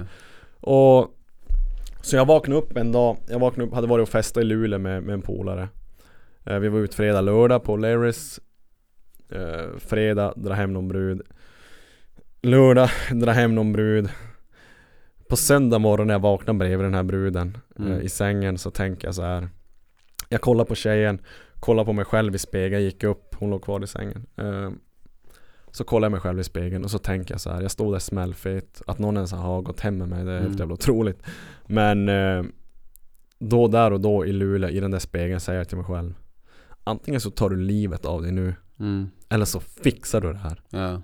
Det är exakt de tankarna jag har där Eh, Så det Och här kan man också se bara att supa är inte så jävla bra ändå Nej. Det tar ganska Ja. mycket, alltså den ångesten jag hade där och då Det var helt sjukt, alltså Ja. jag står där bara så Antingen, alltså, och jag är så här när det blir antingen eller, när det är Ja. på allvar, då är det Mm. dags att vakna Ja. Och där och då, det var mitt wake-up call Ja. Det kom från ingenstans, jag bara vaknade upp och bara Ja, alltså du är helt patetisk Ja. Fet och jävla olycklig och bara super och drar hem vem fan som helst eh, Ja. Så ta liv av dig Du Mm. kommer bara tacka dig själv typ, eller så fixar du det Ja. Och där och då så valde, valde jag såklart att fixa det Så jag fick mitt ryck jag hade där La till min vinnarskalle och lite Mm. min, mitt pannben Så jag Ja. gick ner 14 kilo på typ eh, Ja, just under 10 veckor tror jag Så, så, du vet, Ja, det så där så, så där Där och då i det vanliga livet eh, Bortsett från idrotten, man har väl alltid kunnat tro att ja men mitt eh, pannben har hört till, till idrotten Ja. Men där och då kunde jag bevisa för mig själv Fuck, du är ju en krigare i verkliga Ja. livet också Ja. Så det var jag väl, så jag började med att må bra där ett tag Jag är väl nu 23 år gammal ungefär Ja. 22-23 Just efter hockeyn och med dottern och det så eh, På den här tiden så började jag Ja men jag började må bra där när jag var sådär smällfet och ja, men tog tag i livet, köpte lägenhet och liksom ja. ah, men nu, nu är det, det är lugnt liksom Mm. Ehm, Så jag hade fortfarande kul såklart med Polen och sådär, kunde gå ut Men det var inte alls på samma sätt för nu ville jag ju liksom vara i form och, Ja. och ändå typ Jag visste inte vad jag skulle göra av livet vid den här tiden Nej. Men eh, jag typ bara ville hålla mig på fötter Och kämpa ju ständigt med min dotter och sådär Ja. Ehm, Sen eh, Jag minns inte exakt, jag höll väl på med droger i ungefär två år Ehm, Jag är 27 idag, ska fylla 28, jag har varit ren i april har jag varit ren i fyra år. Så ja men kring 22-23 började jag ta droger då Efter den här Kanske destruktiva tiden. Mamma har alltid sagt åt mig typ när jag gick upp sådär och, och, i, i vikt att kanske du, borde, du kanske borde gå och prata med någon Ja. Du kanske har något som saknas inom dig Men jag har alltid varit såhär, nej fan jag behöver ingen annan Ja. Jag har mig själv Mm. jag, jag, jag är en jävla vinnare. Ja, jag, ja, jag, jag har mig själv, jag litar ja. på mig själv. Jag kommer fixa det här. So call me a cynic, call me a bummer. I don't wanna be that way anymore. This life that I've been living, living without color, ain't a life worth living. Hey, it all. Så eh, jag trodde att allt var bra som jag, man alltid gjorde på den tiden. Jag skyfflade problemen bara under mattan. Så den där Ja. mattan började ju byggas Mm. eh, tills det exploderade senare som man kommer till. Men jag började ta Jag började röka på. Mm. Så började jag röka hasch så här, bara, men lite så här sporadiskt. Bara, Ja. men fan. Ja men han polaren röker och, Mm. och sådär. Det kan jag även tillägga att ni som är helt emot droger och bara åh fan eh, cannabis det är så jävla dåligt. Jag Ja. lovar. Om ni har tio vänner så kan jag lova minst en röker på Ja. som ni inte vet om. Ja. Det är så vanligt att Ja, folk det är knarkar. Eh, så jag bör, det, det var på den vägen jag började ta droger. Jag började röka på då och då. Började inte, första året med drogerna var inte så påverkande ändå. För jag kunde Mm. ändå hålla det liksom, det var inte varje dag. Det var som en helgerna eller typ när det fanns. Eh, för på den tiden kunde jag inte fixa, jag hade inga kontakter i Ja. den världen så jag kunde inte fixa droger med ett snabbt samtal. Man fick ju fixa polarna bara. Ja. Ehm, så började jag röka på, det är ju jävligt härligt. Så Ja. alltså man, du blir avslappnad, ångesten släpper, du somnar gott. eh, ja men du mår bra för en stund. Alltså, Du, du struntar i verkligheten för en sekund, det stannar upp. Mm. Och, och det gjorde att jag fortsatte. Jag tror jag har lite den där beroendementaliteten. Ja. Att när jag får en grej som är Ja. härlig, då jävlar är det all in. Ja, ja, Liksom ja. den här lilla Ja, ADHD man har. Ja. Eh, och så på den vägen börjar väl med drogerna. Jag har ju fortfarande liksom ett vanligt liv och sådär med jobb och, och Mm. lägenhet och nu har även kontakten med dottern börjat bli bättre. Ja. Eh, för senare skulle, idag är hon sju men när hon var typ fyra, där kring skulle bli fyra så flyttade ju även mamman upp till Kiruna. Ja.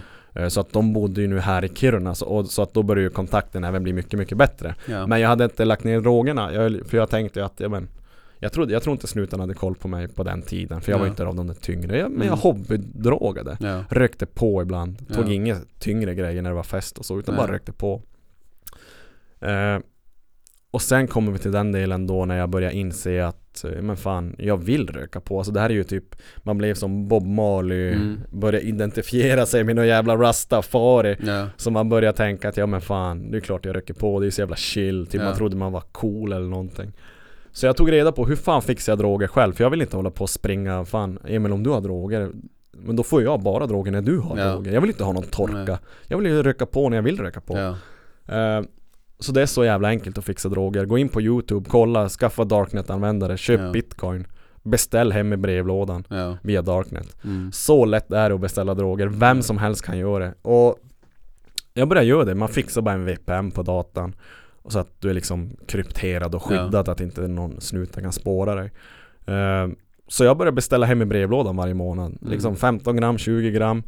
Eh, Jag jobbar för LK så jag har jävligt bra lön. Ja. Eh, Så ja Alltid det bästa marockansk liksom Dunder som det kallas i drogvärlden Rökte du mer och, blev det att du rökte mer och mer då? Var det under Precis. vardagarna? Ja, och nu när jag börjar få tillgång till det här Ja. och dessutom dunderkvalitet, inte någon jävla vittangekvalla Mm.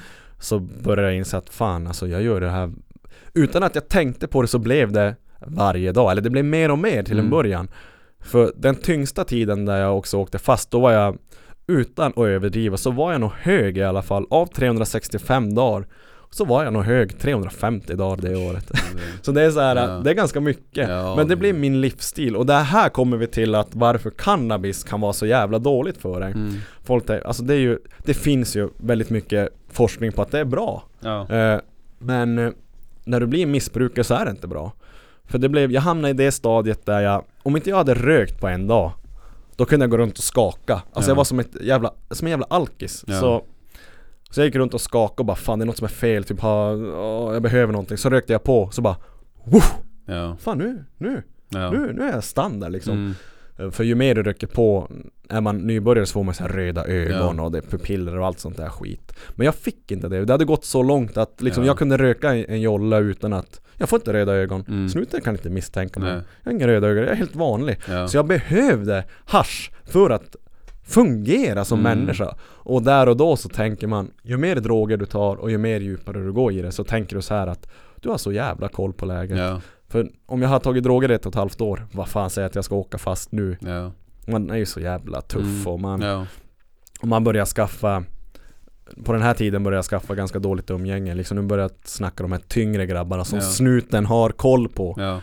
eh, Och det tänker man inte heller på när man liksom tar droger Du börjar Hänger du med fel umgänge så kommer snuten automatiskt Men vad fan gör en Josefsson? Mm. Varför hänger han med dem? Han kanske Ja. bara en, en gång företeelse Ja. Sen ser de, "Åh, han är ju där igen Ja. Jaha, och nu smiter de in i någon jävla gränd eller vad fan Mm. de håller på med. Så det slutade med att snuten hade koll på mig också. Ja. Ehm, så jag röker på, röker på.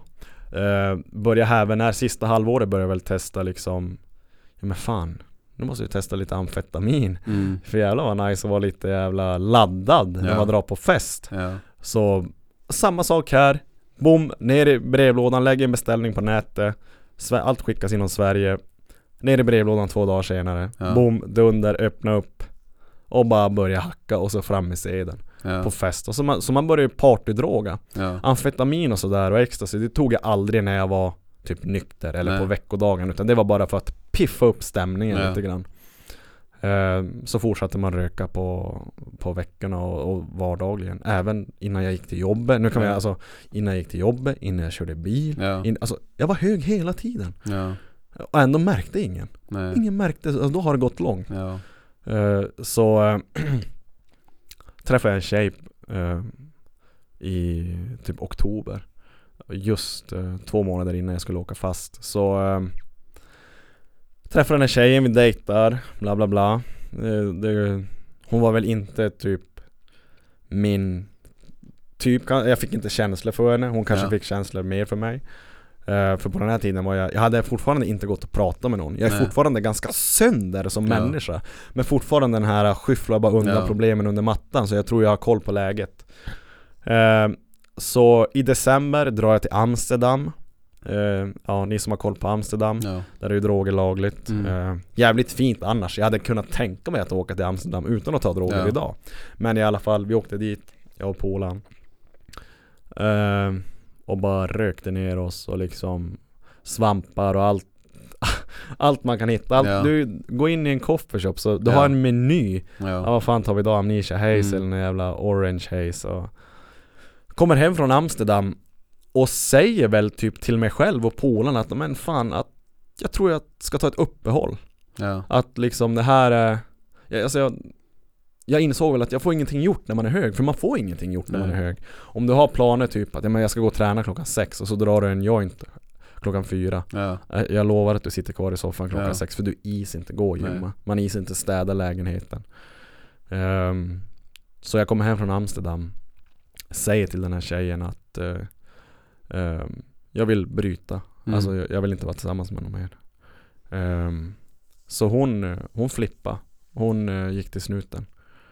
Ehm, så det var så jag åkte fast första gången. Och, ehm, och det, du, du visste inte att hon gick till polisen? jag, jag visste inte att hon gick till Nej. polisen. Eh, jag ville ju bara lämna henne. Ja. Och hon försökte väl få tillbaka mig men jag var stenhård att nej, alltså, för jag ville ju börja mitt nya liv. Ja. Eh, jag fick väl någon uppenbarelse i Amsterdam, men jag Ja. ville börja mitt nya liv. No hard feelings, jag ville bara lämna henne. Ja. Och liksom, ja, gick vi separata vägar. Var på crossfit-gymmet, vart jag gymmar än idag. Uh, gymmar typ 10 på morgonen, det här är typ dagen innan nyårsafton. Ja. Eh, ser liksom piketbussen på Lomja-parkeringen Snutbussen alltså och jag tänker så här bara, aha, typ vad fan, fan är de här? För de stod bara still Ja. Hoppa in i min bil När jag kör ut från parkeringen följer snutbilen efter mig Ja. eh, Tänkte inte mer på det för jag var ju så avtrubbad, Va, vad fan vill de mig? Ja, alltså Ja. jag har inte Jag jag har varit och tränat nyss, vad Mm. vill de? Eh, så Just innan jag typ har kommit fram till lägenheten så stoppar de mig Ehm, Och hur vet jag då att någon har kallat? Jo, för den här snuten som stoppar mig är bekant till mig Den här snutens kusin är min barndomskompis Ja. Så att vi har koll på vilka vi är Ja. Eh, Och det var inget så här. äh, Det sjuka med det här mötet är att varför är det ingen rutinkontroll? Mm. Att de kanske misstänker någonting Eh, Det var för att jag körde utan bälte Jaha. Så jag bara, för det, det var min första tanke när de stannade mig Ja. Fuck! Ja. Utan bälte Så jag försökte vara kylig bara, okej ah, Jag rör inte bältet ifall de ser det Ja. Så den här, den här tjejpolisen kommer fram och bara, jag vevar ner rutan bara Tjena, hon bara jaha, tjena Ja, typ var och träna så här, låtsas vara lite trevlig Mm. Jag bara jo, eh, ja ja, typ Hon bara ja, bara rutinkontroll Ja. Låtsas som ingenting, men ja, blåstest Okej, ja. Ja Jag var ju nykter, jag var och träna Inte druckit alkohol då alltså Så säger hon ehm, När var senast du rökte på? Jag bara, vadå rökte på? Har du rökt cannabis någon gång? Jag bara, nej det har jag inte Jag vill att du kommer ut ur bilen Mhm. Och där kände jag Fuck, fuck, fuck jag är ditsatt Fuck, fuck, fuck Ja. Där och då kände jag, ja jag är så jävla körd Ja. Eh, Ja, så de tar, de tar mig eh, ut ur bilen, muddrar mig uh, Sen får jag hoppa in i, i, i piketbussen Eh, Och känner bara, ja det är så, jag, jag är körd Ja. Alltså liksom, den också känslan är så jävla, alltså du kan inte göra någonting Nej. Du sitter där, de har tagit dig, de har fått tips Ja. och nu tar de in dig så jag Jag vet ju att jag är körd så jag sitter där och typ bara spelar och bara, ja men typ, Jag orkar inte säga så mycket Ja. Eh, De tar in mig på piss, de tar in mig på blod Och jag har ju cannabis i, i kroppen. Eh, Så jag blir misstänkt för drograttfylla och för ringa narkotikabrott, alltså eget bruk. Ja. Eh, Och jag åker fast för det också. Så jag tappar körkortet i 12 månader. Eh, Åker dit för ringa narkotikabrott. Eh, f- Går till, jag blånekar ju allting. Ja. Jag hävdade att jag hade varit i Amsterdam men de menar att det hade varit för lång tid. Ja. Eh, mellan Amsterdam och den här eh, bilresan. Ja.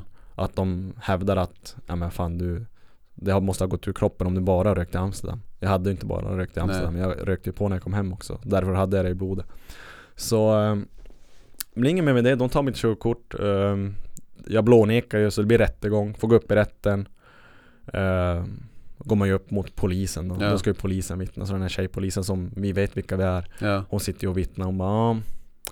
Och det det här, just där och då, ganska arrogant fortfarande tjurig Där och då fick jag otroligt lite respekt för snuten Mm. Eh, Så då, hon sitter och säger bara eh, vad fick, de bara, vad fick dig att typ stoppa Pontus? Att ehm, Vi upplevde han som ehm, typ väldigt wobblig körning Mm. Eh, väldigt snabbt och väldigt fort. Ehm, sen när vi stannade, otroligt röda ögon, väldigt nervös, väldigt Ja. torr i munnen. Har nyss varit och kört två timmar crossfit. Ja. Fundera på, Ja. men de hade ju fått tips. Men de, Ja. det är sådär, snutarna Ja. har varandra bak i ryggen. Mm. Och så, det är sanningen. Alltså, jag har inget liksom emot, det är jättebra att vi har poliser som Ja. gör sitt jobb men de, det är sådär de gör, de sitter och ljuger. Mm. Och för att, de kan hitta på vad fan som helst för en snut skulle jag aldrig ljuga. Nej. En snut ljuger ju inte i rätten, Ja. hallå? Så jag sitter där och med min arroganta liksom attityd, jag sitter bara och garvar, jag bara Så här sitter jag i rätten Ja. Bara så vad fan är det för idioter tänker jag Ja. Så Ja, får jag skylla mig själv. Jag åkte dit 25 000 i böter Plus eh, eh, kort är borta i 12 månader Ja.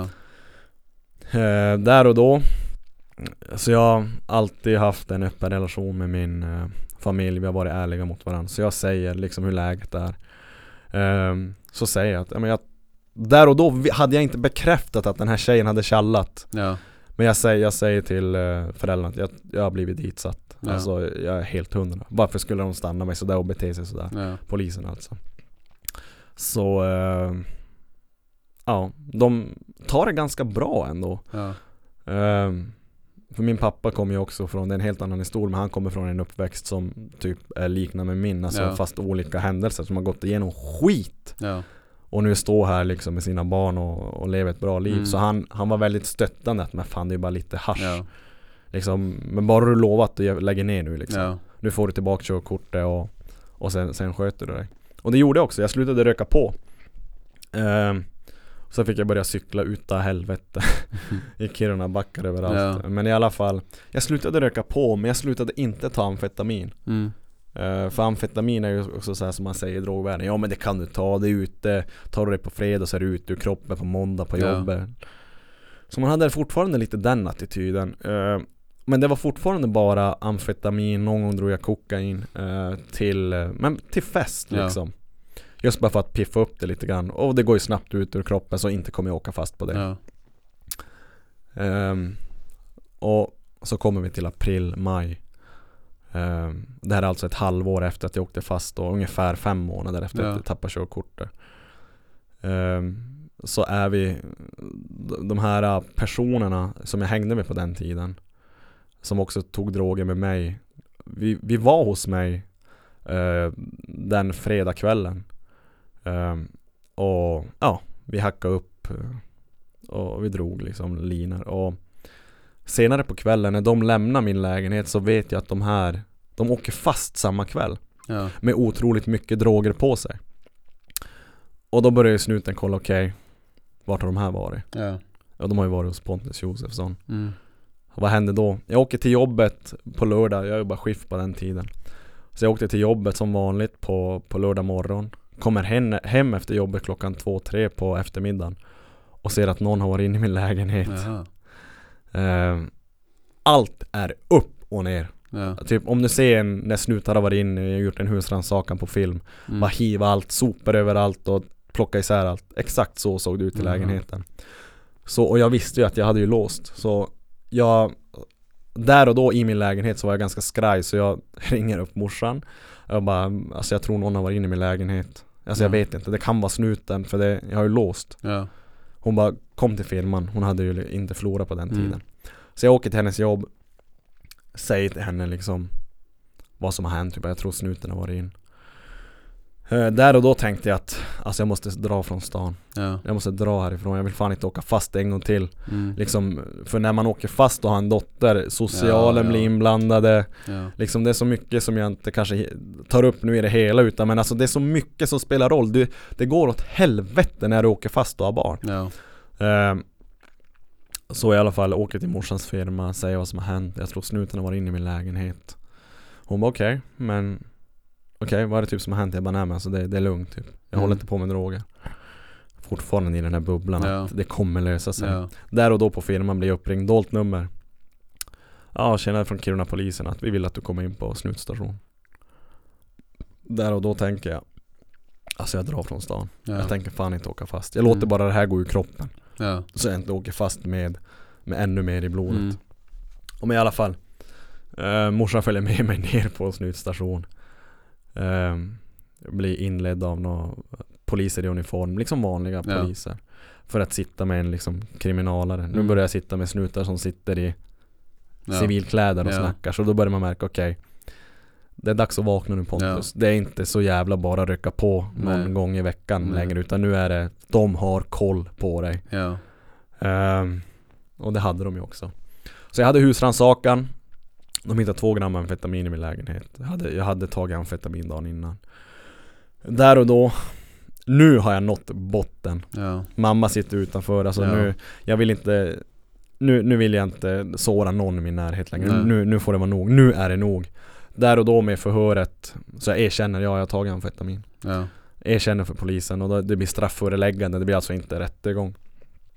Så jag erkänner brottet, tar mitt straff, jag fick typ 14 000 i böter Ja. Ehm, Men det påverkade inte mitt körkort som tur var Ja. Ehm, Så mitt körkort skulle jag ändå bara få tillbaka sen ändå Ja. Men jag hade husrannsakan och, och det gjorde att jag flyttade från den adressen uh, Får börja ta emot, emot mordhot för folk börjar ju tro att jag har tjallat typ att eh, Så jag bara nej alltså jag har inte tjallat alltså det Så är det, de bara släppte mig typ och. Så jag flyttade från adressen uh, Så upp all kontakt med dem jag hängde på den tiden Ja. En av dem som jag hängde med på den tiden har tagit överdos idag Alltså Ja. det är människor som det inte går så bra för. Um, bröt med alla Ta och prata med min familj liksom att Jag bara står där och gråter Alltså förstå se deras min Ja, nej det... Alltså du, du har svikit dem Ja. så hårt det bara går Ja. alltså, det, den, den känslan vill jag aldrig mer liksom uppleva Jag, jag tänker inte sätta någon i den situationen igen Så farsan tar tag i mig, ger mig en kram och jag står där och bölar Han bara alltså om, Alltså om du inte lägger ner nu Jag har så jävla lust att misshandla dig Men Mm. antingen så kommer du dö av det här Alltså liksom för mitt liv som jag Ja. håller på med droger det. Eller så kommer du åka in Det är fan bara välja Men jag, jag, jag tänker inte slå dig för det kommer inte, det kommer inte hjälpa Ja. Det här måste du lösa Det här Mm. måste du lösa Ja. Och där och då, alltså det var ju som Jag visste där och då att Det här, det här var Ja. sista gången Ja. jag tog droger Och det är det idag också Ja. Så i, Som jag sagt i april, maj är det fyra år sedan det men, starkt. men det är väl den Alltså också en sjukt destruktiv Tid i mitt liv där jag försöker mm, Fly verkligheten för en stund och Med hjälp av droger och liksom På det sättet som man, som man levde Det var Det är inget liv Nej. och, Nej, och, det, och det är väl Och det är så jag tog mig ur det Folk alltså undrar bara, men hur tog du dig ur det? Alltså Det var det som krävdes Ja. Jag behövde typ åka fast Ja. Så jag är ju jag är ju väldigt tacksam idag att den här tjejen faktiskt Ja. satte dit mig eh, Där i början var det mycket hat och sådär men Idag liksom, jag har vuxit som person så otroligt mycket Ja. jag, jag kan inte, jag orkar inte hata någon längre Nej. Folk får hata mig och tycka vad fan de vill om mig Men jag orkar inte hata någon Jag är tacksam att de satte dit mig ja. Ja, man vet ju inte hur det hade Sluta. fortsatt annars. Alltså, det Så, så det är ju bra ändå och, och det är så jag får se på det. Jag kan inte, jag orkar inte leva ett liv där man går runt och är bitter. Det, det, du, du vinner ingenting på det. Du, alltså, folk kan ha svikit dig och det men i det här fallet så blev det ju bra. Ja, Så, Ja. så jag kan inte älta det och här börjar ju mitt liv faktiskt eh, vända när jag än en gång väljer att Jag har inte gått och pratat med någon ännu, jag behöver inte gå på någon eh, missbruksbehandling eller så Nej. utan Här än en gång så reser jag mig själv ja, Det är helt sjukt, jag Ja. vet inte vad jag har för förmåga Som då när jag stod där överviktig, antingen tar du livet av det eller så Så fixar du det här Ja. Som jag fixade då fixade jag det nu ja. exakt. Jag bara bröt allt, flyttade till ny lägenhet och bara boom! Fixade livet! Nej, det, ju- det, det låter ju som dig. Alltså det är ju Alltså det är jävligt starkt. Och, men du har ju alltid gjort det. Alltså vad det än det handlar om så Mm. har du ju När du väl tar tag i det så tar du tag i det. det Och, och det var, och det, var det, det svaret jag har på liksom frågan vad du gjorde för att ta dig ur det. det jag tog tag i mig själv. Alltså, Ja. Och här går det inte att säga att men, jag väntar en dag, jag väntar en vecka, jag nej, väntar en månad. måste som Du måste Ja. vakna nu!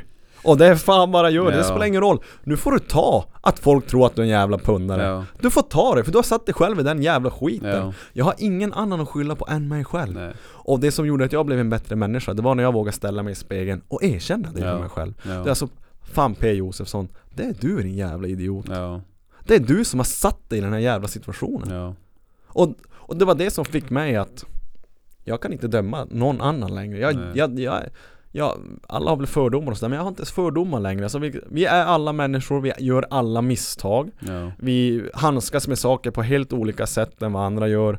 Och, så jag känner bara att när jag har fått gå igenom den här sjuka tiden i mitt liv och här liksom här, jag var inte ens 25! nej, Jag är inte ens 25 Nej. ännu, förstår ni? Jag är inte ens 25 ännu och jag har gått igenom de här sjuka sakerna i livet.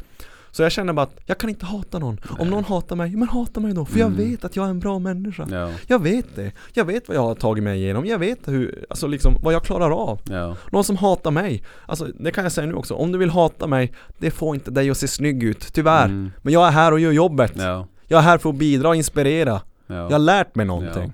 Och det är, det, det, är väl det det handlar om egentligen. Ja, men det är ju det, det Så det är väl egentligen den eh, Min tid i ganska kort historia fast ändå nu vi har dragit Det blir mycket prat och sådär. Så- Men det är väl det som jag kan känna att jag vill bidra med. Ja, Att jag faktiskt varit med om den här grejen. Ja men det är som vi sa, alltså det Ja, vi har ju som pratat sen du var 15 till 25 nu, alltså det är 10 år och det är som en livstid. Alltså Mm. grejer som du har varit med om och Alltså allt från hockey, toppen av det och sen botten där och Mm. sen Verkligen botten alltså, alltså i livet alltså, Mm. alltså livsstandardmässigt när du, men när du är verkligen på botten Som du säger, jag kan eh, ja, Alltså man kan inte sätta sig in i den situationen man sitter med Poliser i civil klädsel och mamma sitter utanför och så ska man möta hennes blick sen alltså Mm. det måste ju vara helt Och sen bara våga erkänna allting alltså Ja. det, det gör så ont, alltså jag har levt i förnekelse i så många Mm. år. Och, och, och sen bara våga erkänna, alltså det gör så ont. Ja. men det är det som är så jävla viktigt. Ja, exakt. Alltså,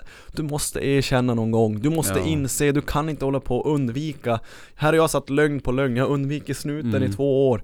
Till slut jag åkte fast och trodde att jag kunde göra det en gång till, och sen fick jag husrannsakan. Ja, De har koll på dig, och liksom Det finns inga ursäkter, du Är du nere i skiten, ta droger, alltså du kommer inte Om du inte inser fakta att du har problem så kommer du aldrig ta dig ur det. Nej, exakt. Jag kan inte hjälpa dig ur Nej. jävla drogproblem, du måste göra det själv. Ja, Du är en vuxen människa, ja, du måste ta dig ur det. Mm, så det är väl som sagt den jobbiga tiden. Och efter det här så börjar ju faktiskt livet Ja men nu är det ju dags för mig att börja återhämta mig Ja. lite grann. Och Alltid haft den här drivkraften, det vet ju du Emil att jag alltid haft idéer. Och här någon gång så börjar jag väl fundera att eh, Alltså nu, ja men 25 år gammal, alltså jag måste göra något 24 år gammal, jag måste göra något av mitt liv. Mm. För nu har jag gått som och tom trampat i två, tre Ja. år Det här med det jobbiga med dottern, kämpa där liksom ännu trots de här drogerna.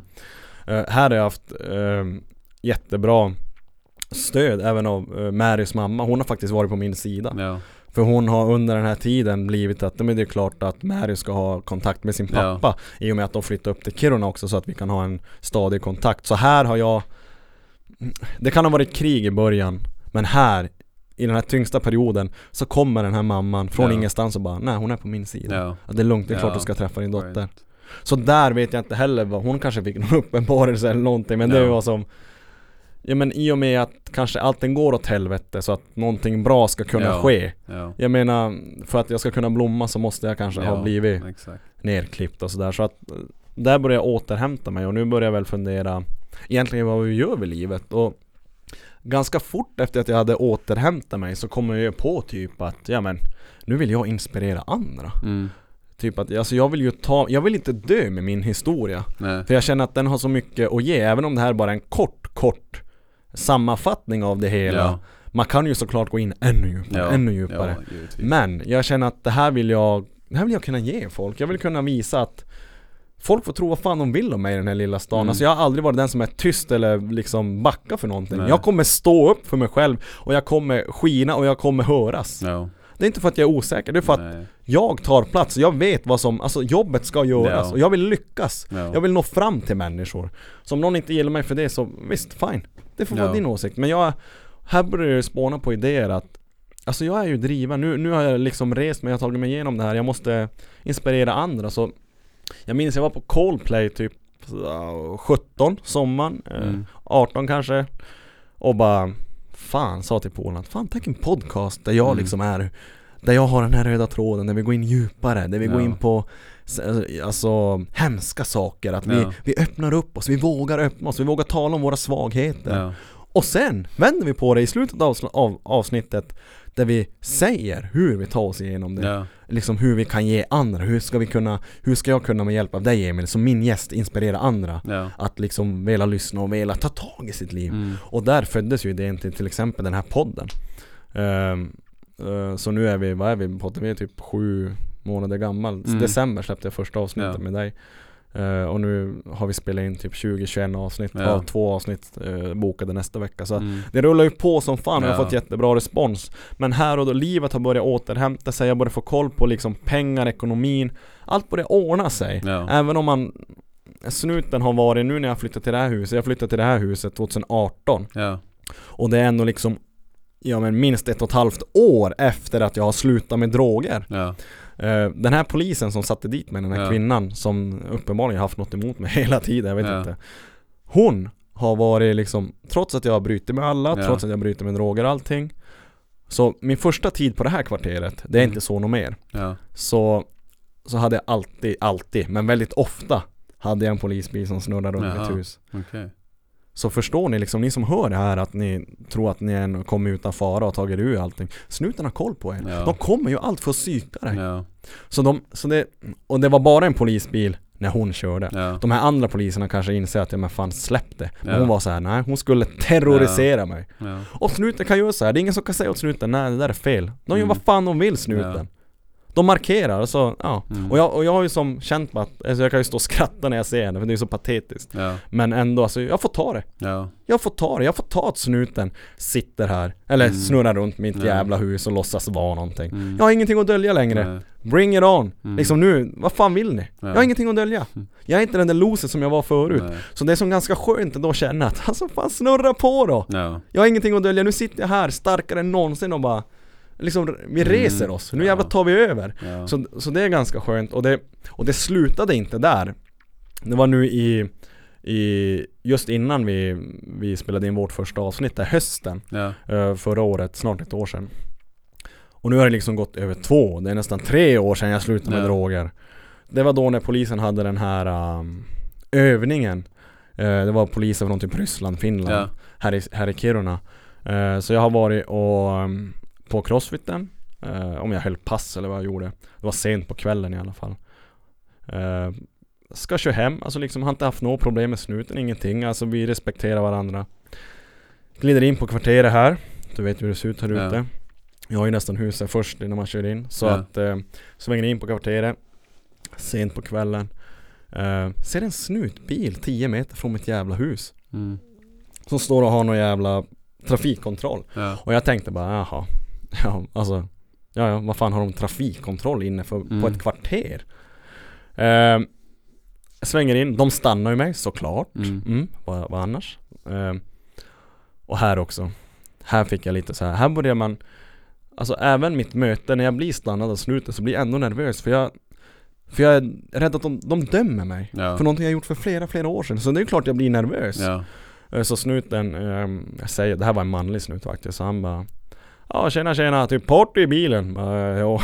Så här låtsas vara så här snäll. De bara, ja jag lyssnar alltid hög musik, det är den jag är, jag vet inte. Um, jaha, ja, bara rutinkontroll så här, låtsas som ingenting. Så Ja. bara blåser. Och, så, och det, jag var ju nykter och så ehm, säger han bara för, han, för det han gjorde, det de gör, de skannade mitt körkort Ja. och liksom Sen efter blåskontrollen så gav han inte tillbaka mitt körkort Ja. och han bara Stod och kollade i sin telefon och höll mitt körkort Han bara ja typ att Ja men hur är läget egentligen? Jag bara ja, Det är bra Hörru du att Får jag bara ställa någon snabb fråga? Jag bara, ja visst Har du tagit droger förut? Han var ju ganska osmidig Han står ju och stirrar i sin telefon efter att ha skannat mitt körkort Ja. Så jag, jag säger bara eh, Jo jag har tagit droger förut Men jag tror att du ser det i din jävla telefon Mm. han bara mm, mm jag gör det. Vad har du tagit för droger då? Och jag bara vad är det här? Mm. Alltså vad är det? Va, va, har jag gjort någonting? Uh, men i alla fall, jag har tagit cannabis och amfetamin. Det ser ju du också där. Varför frågar du de här grejerna? Det är för att jag upplever det som väldigt, väldigt ehm, liksom uppstudsig och nervös. Så jag ska bara prata med min kollega, han är kvar. Så höll han ju kvar, han tog ju med mitt körkort. Står han bak i bilen och snackar med, min, med sin kollega. Uh, sen när han går tillbaka till min bil så börjar han lysa in i bilen så jag bara, så jag bara vad fan håller de på med? Jag står alltså nu mitt ute på kvarteret här utanför. Ja. Alla grannar kan se mig. Ja. Alltså förstår du hur förnedrande Ja. det är? Det är så de gör, mitt utanför mitt jävla hus. Just liksom flytta in nästan liksom, man Ja. bott här bara några månader och de bara Ja, vi behandlar hur, hur fan vi vill. Så han kommer i alla fall tillbaka till bilen och bara Nej, jag kan inte släppa dig. Och jag bara Jag, blir, jag bara ja alltså, alltså jag bor där, vad håller ni på med? Får jag bara parkera min bil då? Nej, det ser ju inte så bra ut om du har tagit droger och vill låta dig köra bil Nej nej, vad ska vi göra då? Ja men vi kör tillbaka bilen, så de parkerar ju bilen bara 10 meter bort Så jag får hoppa in i snutbilen än en gång Ja. Nu är det några år sedan jag tagit droger så bara Och det första de gör, de börjar ju muddra mig också mitt på kvarteret Alltså Mm. det är så Ja. Alltså jag känner mig så jävla förnedrad ja. Efter allt jag vill, alltså liksom rest mig och allt, jag har gjort allt Ja. för att få en bra relation med alla och liksom visa att jag har tagit steg bort från de här människorna från drogerna. Ja. Och de började muddra på kvarteret, ta in mig i bilen, kör mig till sjukan, började ha någon jävla förhör med mig i bilen typ. Alltså de vill ju sätta dit mig. Ja. De vill ju skaka, de vill göra mig nervös. Och jag är ju nervös, för varför blir jag dömd? Ja. Jag, jag blir så här, alltså vad håller ni på med? Jag tycker inte det är rättvist. Mm. Uh, gör pissprov, gör blodprov. Och det visar sig, jag var ju ren. Ja. Aldrig sett en så jävla snopen snut förut Ja. någonsin. Så eh, deras lilla rutinkontroll utanför kvarteret Ja. kan jag ju säga att ja, Mm. de ville ju ta in mig för att Ja. kolla mig typ en sista gång. Ja. Liksom det är flera år sedan man har tagit droger men det här är faktiskt min sista intrig eller vad ska man säga, mitt möte med polisen. Eh, och nu är ju då, ja det är ju snart ett år sedan. Så eh, var det snart drogfri i fyra år. Mm. Men ett år har Ja. jag varit fri från Ja. polisen. Mm. Och det är också jävligt viktigt att ta upp De kommer inte släppa dig. Nej. De kommer göra allt för att du ska jävla falla. Ja. Polisen är ingen som kommer hjälpa dig, det är inga terapeuter eller psykologer. De vill sätta dit dig. Och, och det, det, jag förstår många varför många typ kanske fortsätter eller inte har, som kanske inte har styrkan som jag har att bara man kunna sluta på en gång. Mm. De får ju ett hat mot polisen, för polisen garvar dig rakt upp i ansiktet. "Ha, Din jävla pundare, tror att du kommer komma undan eller? Det är så de beter sig. Och nu också liksom att ta in mig, muddra mig på kvarteret. För alla grannar, just fått en bra, liksom grannarna bara åh fan, ny granne, kul. Ja. Och vad fan, han, va? Han blir muddrad? Mm. vad har han för fuffens för sig? Ja. Så i alla fall, de kör tillbaka mig till huset och just innan vi svänger in på kvarteret så säger de Ja, att vill du att vi släpper dig typ utanför kvarteret så inte någon ser Typ Ja. polisbilen. Jag bara, om, ni kanske skulle ha tänkt på det innan ni tog mig. Ja. Nu är det för sent, men jag har släppt av mig. Ja. Ehm, så han, ja, han sa bara att ja men Kul att se typ att du var ren och Ja, så fortsätt typ, kör på. Ja. Och det var mitt sista möte med polisen, jag var så jävla arg. Men ändå så här bara skönt att bevisa att Alltså ni Ja. har ingenting på mig era jävlar, ni har ingenting! Ja.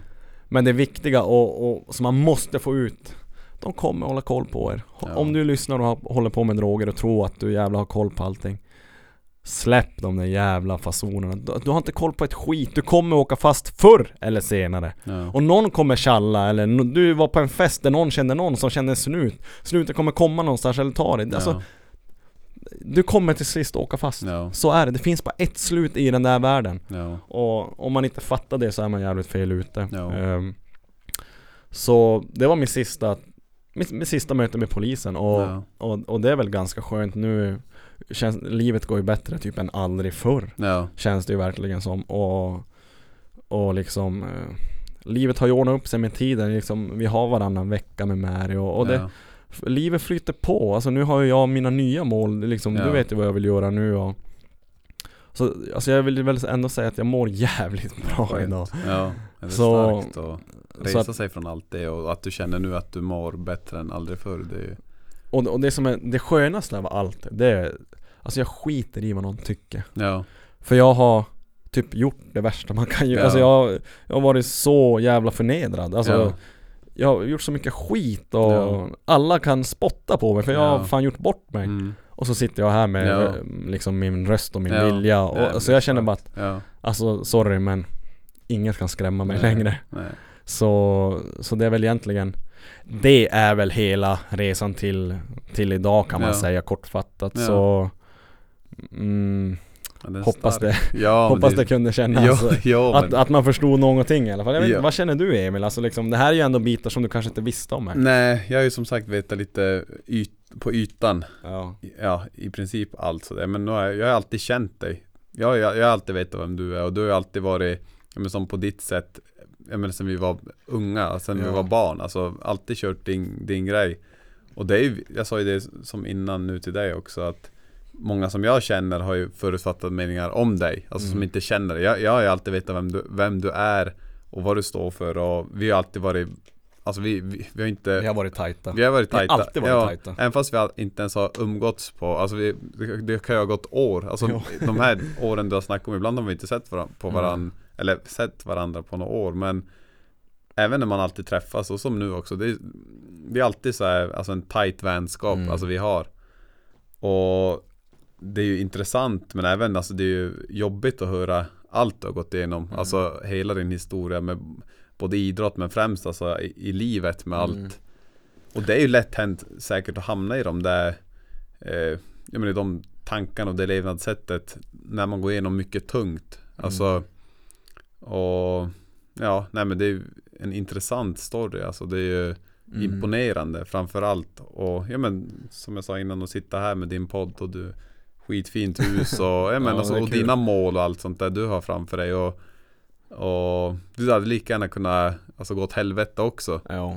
men det är ju den där drivkraften som, som vi började om att prata om. Alltså du har Mm. alltid haft den och det är en extrem styrka att ha den. Även i så, sånt som, alltså så dåliga grejer som, ja men typ droger och sånt. Alltså Mm. det är inte vem som helst som bara kan efter som du sa, du hade rökt typ ett år nästan Mm. varje dag och bara, äh, nu är det slut. Ja, som du sa, att, att du höll på att skaka i kroppen, då är det ju så jävla lätt att bara, men ta en joint till och så Mm. bara mår man bra. Mm.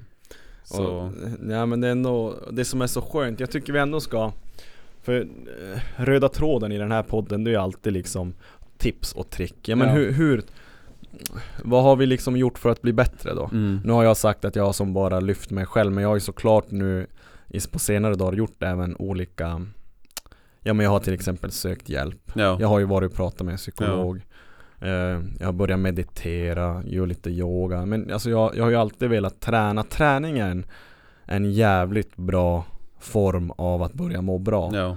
Träning kommer liksom du behöver inte köra stenhårt som jag Nej, Du behöver inte gå Lossabacken 60 vändor för att bevisa någonting Men utan börja bara träna Ja. Träning, liksom forskning, allting Det är så bra för dig Ja. Mår du dåligt så träna Mm. och det har alltid varit min kanske Vad ska man säga, grund att jag har stått på Jag har väl alltid tränat eh, Och det har ju gjort att jag ja, men, Alltså liksom den här spänningen släpper ju Ja. i, i skallen. Och nu då liksom man får Nu har jag slutat prata med en psykolog För vi ansåg väl att vi har ja, vi har uppnått vårt mål. Ja. Eh, och jag mår svinbra så att, eh, men jag, vågade ju söka hjälp Ja. och, och det är också, vill jag väl framtona att det är så jävla viktigt att våga. Alltså om du känner att det är någonting som är fel, du känner att du inte är dig själv, sök hjälp. Ja. Och, och det är så jävla viktigt att vi gör. Ehm, så att, och sen också tips man kan göra typ när man känner så här. Jag är ju ganska extrem människa, så när jag ska typ säga tips Ja. så känns det som att, ja men fan han är ju bara en dåre. Mm. Det känns som att, men jag är ju så här um, vi kan ta ett exempel, typ hur jag kan ta mig ur en jobbig, perso- en, en jobbig period i livet. Jag kan gå på YouTube och så söker jag på motivational speech Ja. Ja. och så slår jag på typ David Goggins eller Dwayne Rock när de står liksom bara Alltså står och skriker Ja. och bara motiverar dig och liksom Ja. ta vara på livet. Ja. Alltså det är nu eller aldrig. Ja. Och, och jag har väl så gör jag mycket. Jag, försöker, jag läser mycket böcker, självhjälpande böcker, mycket biografier. För jag är ganska filosofisk av mig. Jag antar, jag är den som anser att, eh, ja men vi är ju bara människor och vi har ju ett visst beteende. Vi beter oss liksom olika beroende på vad som händer. Jag hade min jobbiga period för att det var den jag var. Så jag är väldigt intresserad av hur vi människor funkar. Ja. Och på så sätt har jag blivit väldigt mycket mer ödmjuk Ja. och öppen mot människor och samtidigt sluta bry mig om vad Ja. andra tycker. Alltså Ja, liksom, vi, går ju, vi alla går ju igenom någonting. Och, och, och det är liksom så enkelt att du måste jobba med det själv. Och, och jag hade de här grejerna där jag gjorde, söker hjälp, tränar, Ja. kolla, läser böcker, självhjälpande böcker, liksom filosofi och hur, hur vi fungerar, människan och, och liksom kolla de här motivationstalen på Ja, men det är Youtube. Det är min grej hur Ja. jag har tagit mig ur det. Och sen vill jag även liksom belysa liksom alla vänner som inte har typ dömt mig. Till exempel du. Mm. Ehm, det är ju lätt att få ha en polare som är fan Just med det kanske ryktet jag haft att jag är Ja. kans, ganska, jag kanske verkar kaxig men jag är Mm. väldigt självsäker att Ja. Haha, nu tar han droger, för fan rätt åt honom Ja. den jävla kaxiga jäveln Mm. Men till exempel du, du har ju alltid stått kvar Mm. Och det, de som alltid har stått kvar Till exempel eh, Josefin Salén, en grym jävla tjej som alltid har funnits vid min sida när det har Ja. varit tungt också Alltså jag kan nämna flera namn som alltid har funnits där Ja. trots att jag har gjort de här grejerna ja. Och det har ju också känt, alltså det har ju gett mig styrka. Min familj har alltid funnits där trots de här sjuka grejerna och jag har gjort dem besviken, alltså gång på gång Mm. Eh, Så att eh, Danne och Jenny på crossfiten eh, Trots allt som hände där och då Ja. med drogen och det så har de alltid låtit mig träna Låtit mig coacha, jag Ja. jag är ju coach på, på boxen, nu är det Axel som äger och Simon men Danne och Jenny också där öppna armar tog emot mig Men Ja. fan för de, de hade också den här mentaliteten att vi är bara människor Ja.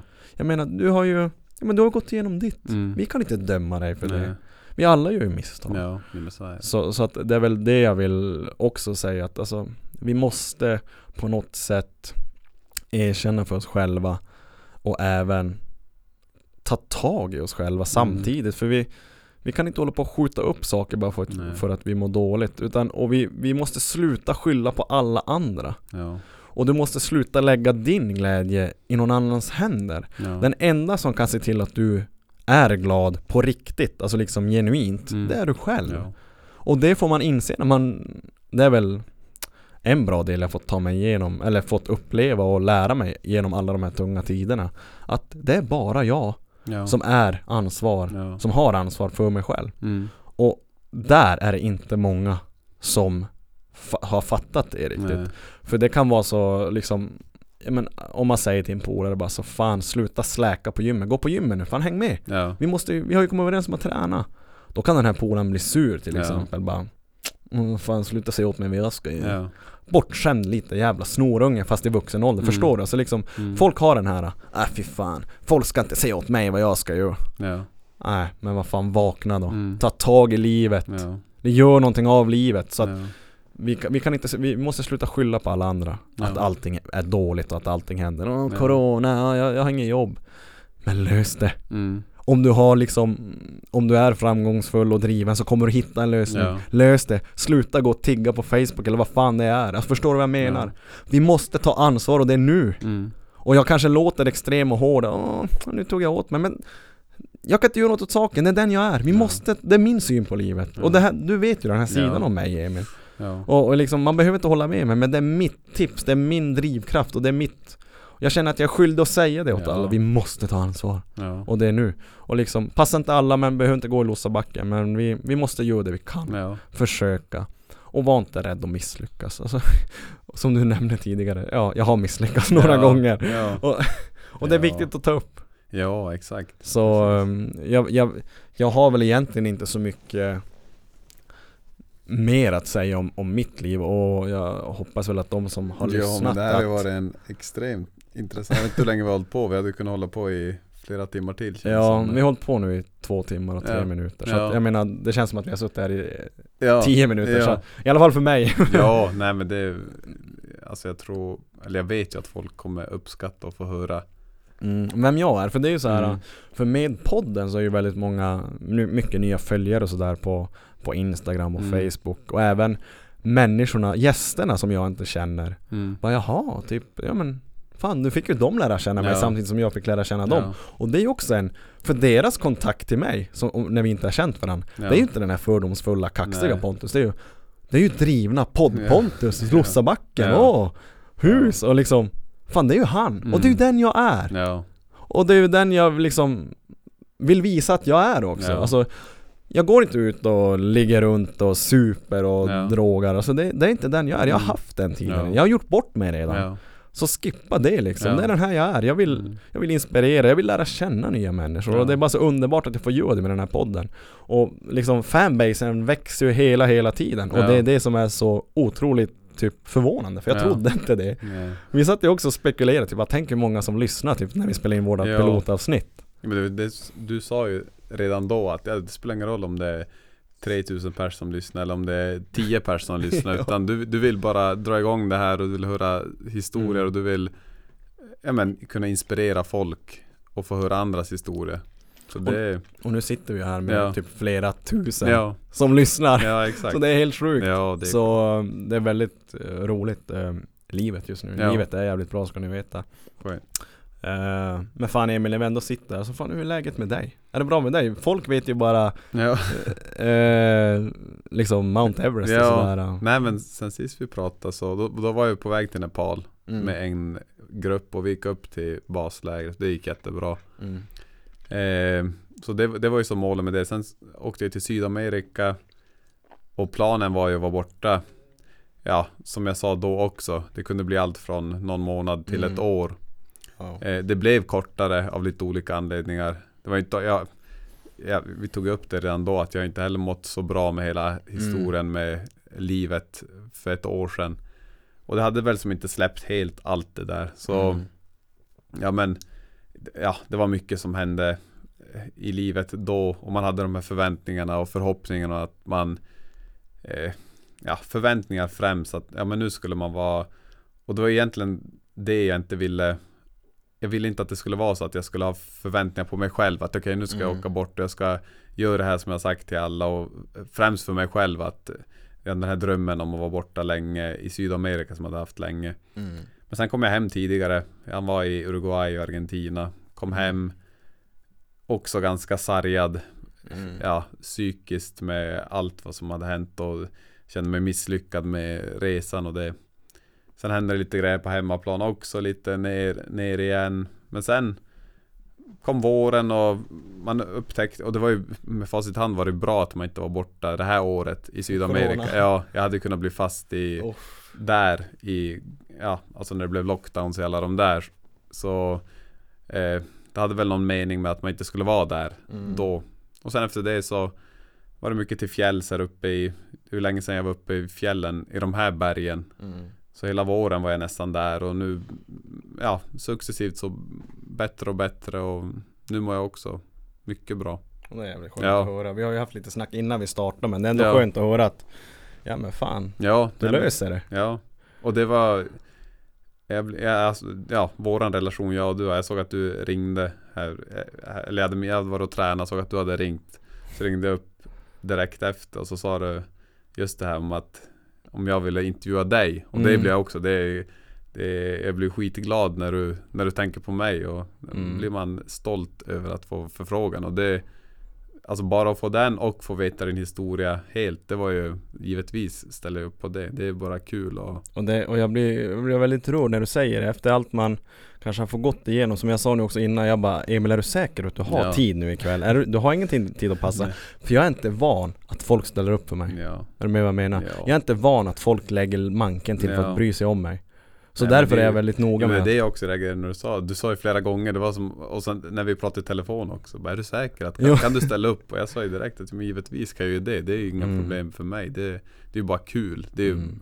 alltså det är ju det är ju som när vi alltid snackar, det är som att vi bara sitter och surrar Det är bara en mikrofon här nu som, Jo, Så det, ja, det här känns jättebra Ja. faktiskt och, nej men skitkul och och jag är otroligt tacksam att du ville göra det här Och tog dig tid Ja men jag får tack själv för att jag fick vara med Och- igen jag Fast kom- jag på kom andra att- sidan Ja, absolut. Sån ära alltså liksom. Jag kommer att tänka på en grej nu när du sa att jag liksom frågade flera gånger om du hade tid. För det har väl alltid också varit så, jag kom på nu att jag, jag blev överraskad av några polare faktiskt, typ när jag fyllde 22, 23 där någon gång. Ja, Och så hade jag typ bestämt träff med polan ja, eh, den kvällen och bara ringt Jonas och bara så hörru vart fan är du? Varför svarar du inte bomba med sms? Vad håller du på med? mm, Och så han bara, så sluta ring för jag skruvar i bilen Och så bara, ja, för jag var inte hemma då om jag hade Ja. varit och tränat eller vart jag nu var Då hade, då hade Jonas med hjälp av mina alltså andra kompisar Typ tagit sig in i min lägenhet Så när jag, när jag kommer hem Typ någon timme senare Ja. Då sitter alla polare bara Åh grattis och jag bara börjar grina Alltså förstår du hur det känns? Folk Ja. har trott att jag är hur hård som helst och Ja. allt men jag är en jävla mjukis ja, Alltså, liksom jag fick en present av tjejen häromdagen och, och liksom bara fint grattiskort och bara Alltså jag kan inte ens läsa ett grattiskort utan Mm. att jag börjar gråta ja, Så liksom sargad har jag varit Ja. och så mycket uppskattar jag mm, att vad folk gör för mig ja,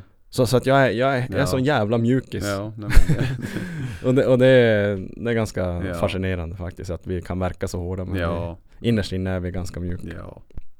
Så, eh, men jag uppskattar den här tiden Emil, känner du att du vill tillägga någonting eller känner du dig nöjd? Jag känner mig jättenöjd. Jag har fått höra, höra storyn nu. Så det, och tack själv för att jag fick vara här igen. Ja, men alltid, du är alltid välkommen. Ja, Eh, hoppas ni har eh, Ja, ni har hört kan man väl säga. Och det här, nu har ni fått lära känna mig eh, och jag kände att nu var det dags. Många har skrivit och eh, ville veta vad jag gör och vad jag har gjort och vad jag har fått gå igenom. Som sagt, jag är väldigt öppen med vad jag har fått gå igenom och nu har ni fått en en eh, två timmars historia om mitt liv. Eh, hoppas ni har gillat det ni har hört och eh, mer avsnitt kommer, det vet ni. På återseende, vi hörs. Ha det bra. Emil du också, hejdå. Ja, hej hej.